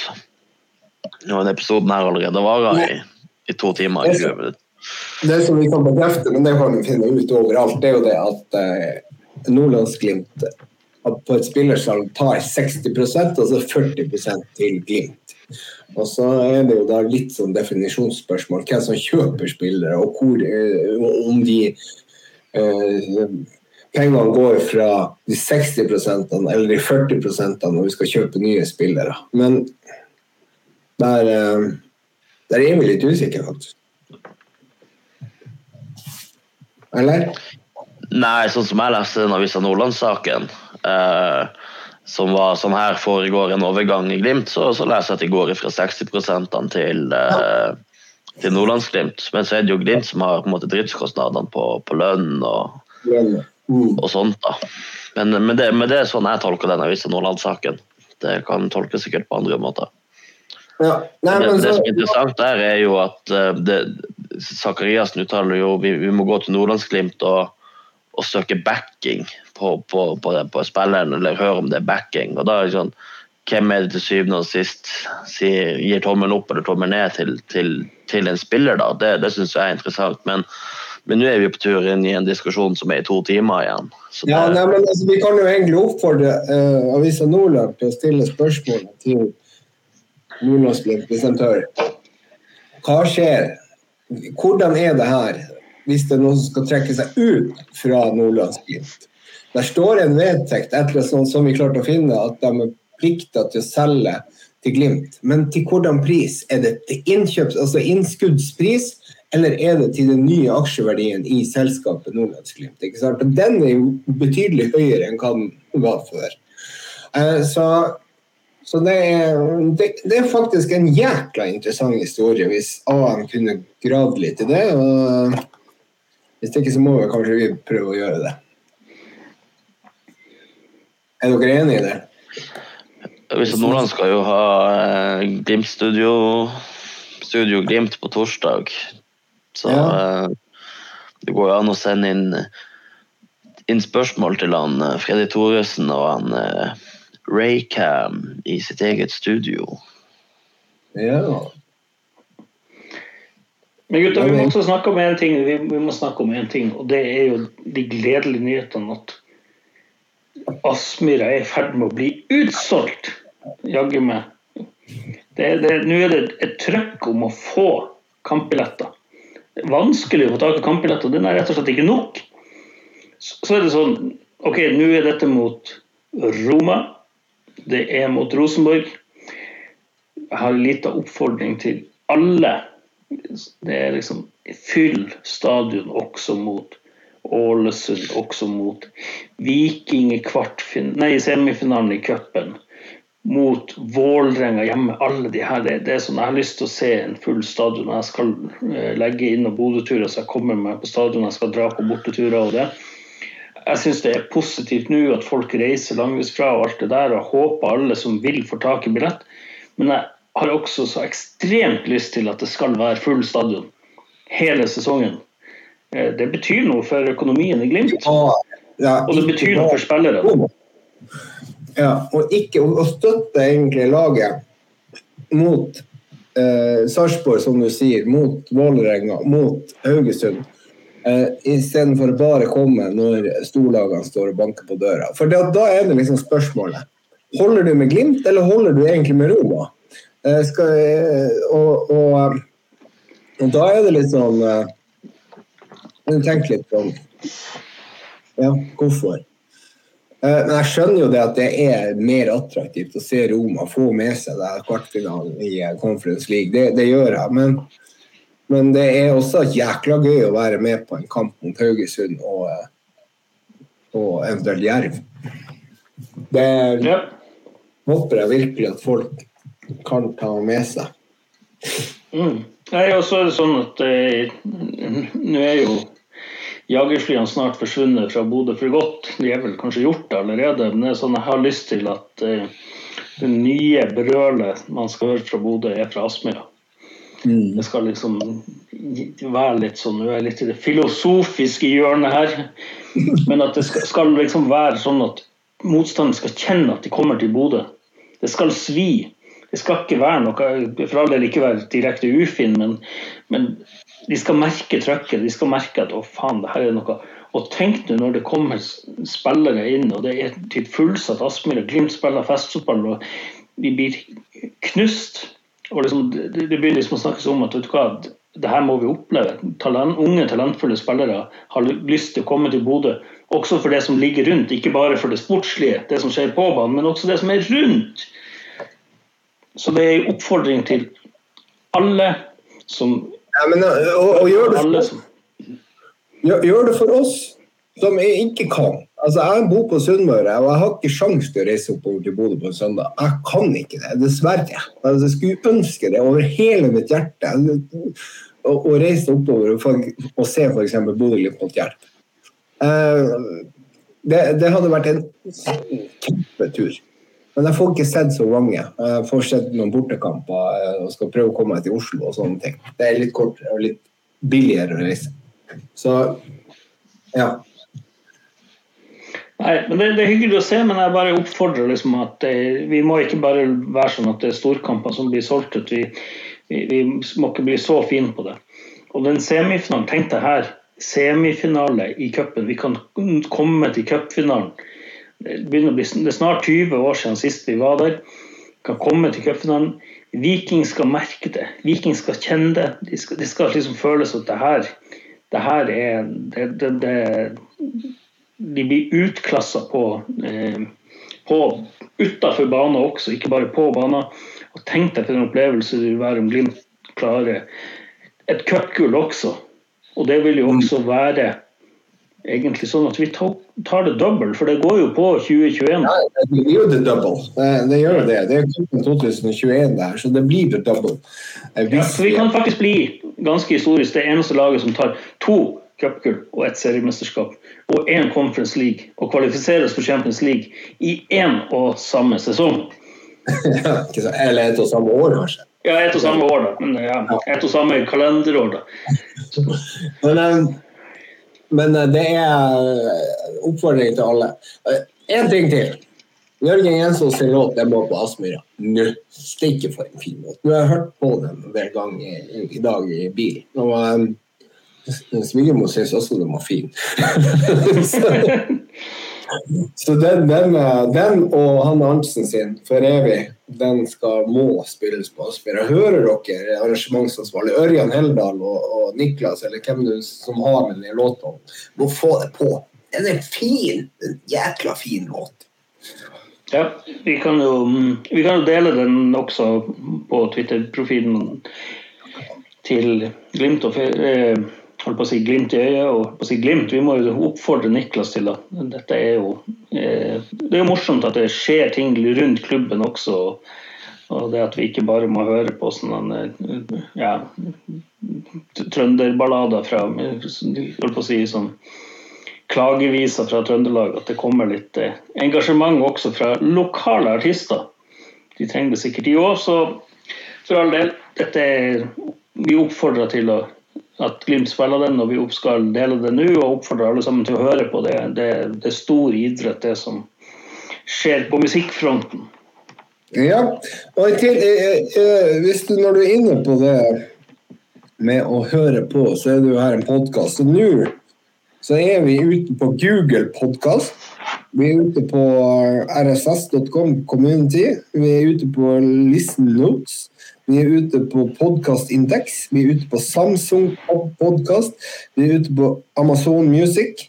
Det siste som vi prøver å få på plass nå, det er Apple Podcast. Så da skal vi ha hele linja i forhold til det, de kanalene som eh, går an å høre podkast på. Så det er jo en utvikling, gutta. Det er jo fantastisk. Da, Ja, det, det må jeg jo si at det er jo det. Og så er det sånn at eh, en liten også sånn Det er jo lav terskel for oss, men jeg, hva jeg så, satt og så her i stad at vi er vel hva nå Vi var i, vi var vel oppe på en 172.-plass på toppodkast i Norge på Spotify. Og det er litt sånn- 158. 158! 158! 158, og så, ja, ser jeg på 180.-plass, der finner vi 433, så vi her er det utklassing. Niklas, skal Niklas som gjest en gang? Det må vi få. Ja, ja, er sånn. Er Men eh, fortsett nå å følge oss på Twitter og del. Vær så snill, vi får få litt deling. Kanskje vi får litt tilbakemeldinger òg. Selv om det er drit, så si nå ifra, da. Eh, så, så, så, så hvis dere mener at det er en av oss, f.eks. vadsøværinger prater for mye, så si nå ifra om det. Syns dere at han prater for lite, så si ifra om det. Si at Parelius han bør, bør prate mer. Si det. Si et eller annet. Det er alltid deilig å få tilbakemelding. Uh, Jeg tror vi får tilbakemelding på lyd etter denne episoden. Ja, selvfølgelig. Hvorfor det? Bjørn Einar har dårlig internett. Ja, det, det, det er knitring på han Bjørn Einar i to og en halv time. Vi, vi, vi jobber med det tekniske også. Her er det Jobber med det tekniske med øretelefonene dine. Nei, jeg tror bare piss.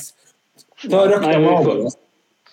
Ja, jeg kan ikke gjøre det akkurat nå, for da rykker rykker av alt sammen. Men vi, vi ser på en løsning her. Så blir det gode nok tall og stor nok interesse, så kanskje vi må kjøpe litt sånn semiproft utstyr med sånn holder, sånn som de, i, våre, våre venner i jeg holdt på å si Nordic men våre venner nede i, i, i rosa kar. Ja. Nei, men det må vi, det må vi kanskje Kanskje må vi, må vi gjøre det. Jeg hørte rykter om at det var 700 kroner, så det skal vi kanskje Nei, nei, jeg sier ikke det. Kanskje når feriepengene kommer, kanskje da. Eller eventuelt hvis det er noen som sitter der ute og har lyst til å eh, få navnet sitt opplest i podkasten, så kan det jo være at vi, vi eh, da kan vi lage en liten reklamesnutt. Vi kan jo fortelle ikke sant, hvor fint det er å bruke deres produkt, eller handle hos dem, eller noe sånt. Så eh, Rema 1000 på Plassmyra, eh, Frank. Du eh, Nei, Plassmyra. Sent, Sentrumsgården. Kanskje du har lyst til å eh, være hovedsponsor av eh, podden med, med noen mikrofoner, for eksempel. Ikke sant? Det finnes sikkert andre. Da er det oppfordringa kommet. Vi må ha fire. Men, øh, skal vi takke våre faktiske eh, sponsorer og så ta kveld, gutta? Det begynner å bli seint. Ja, jeg har jo så mye overskudd nå etter at dere har sittet og pratet et par timer før jeg kom inn. Så det her, jeg kommer ikke til å gi meg før dere har trykka på stopp.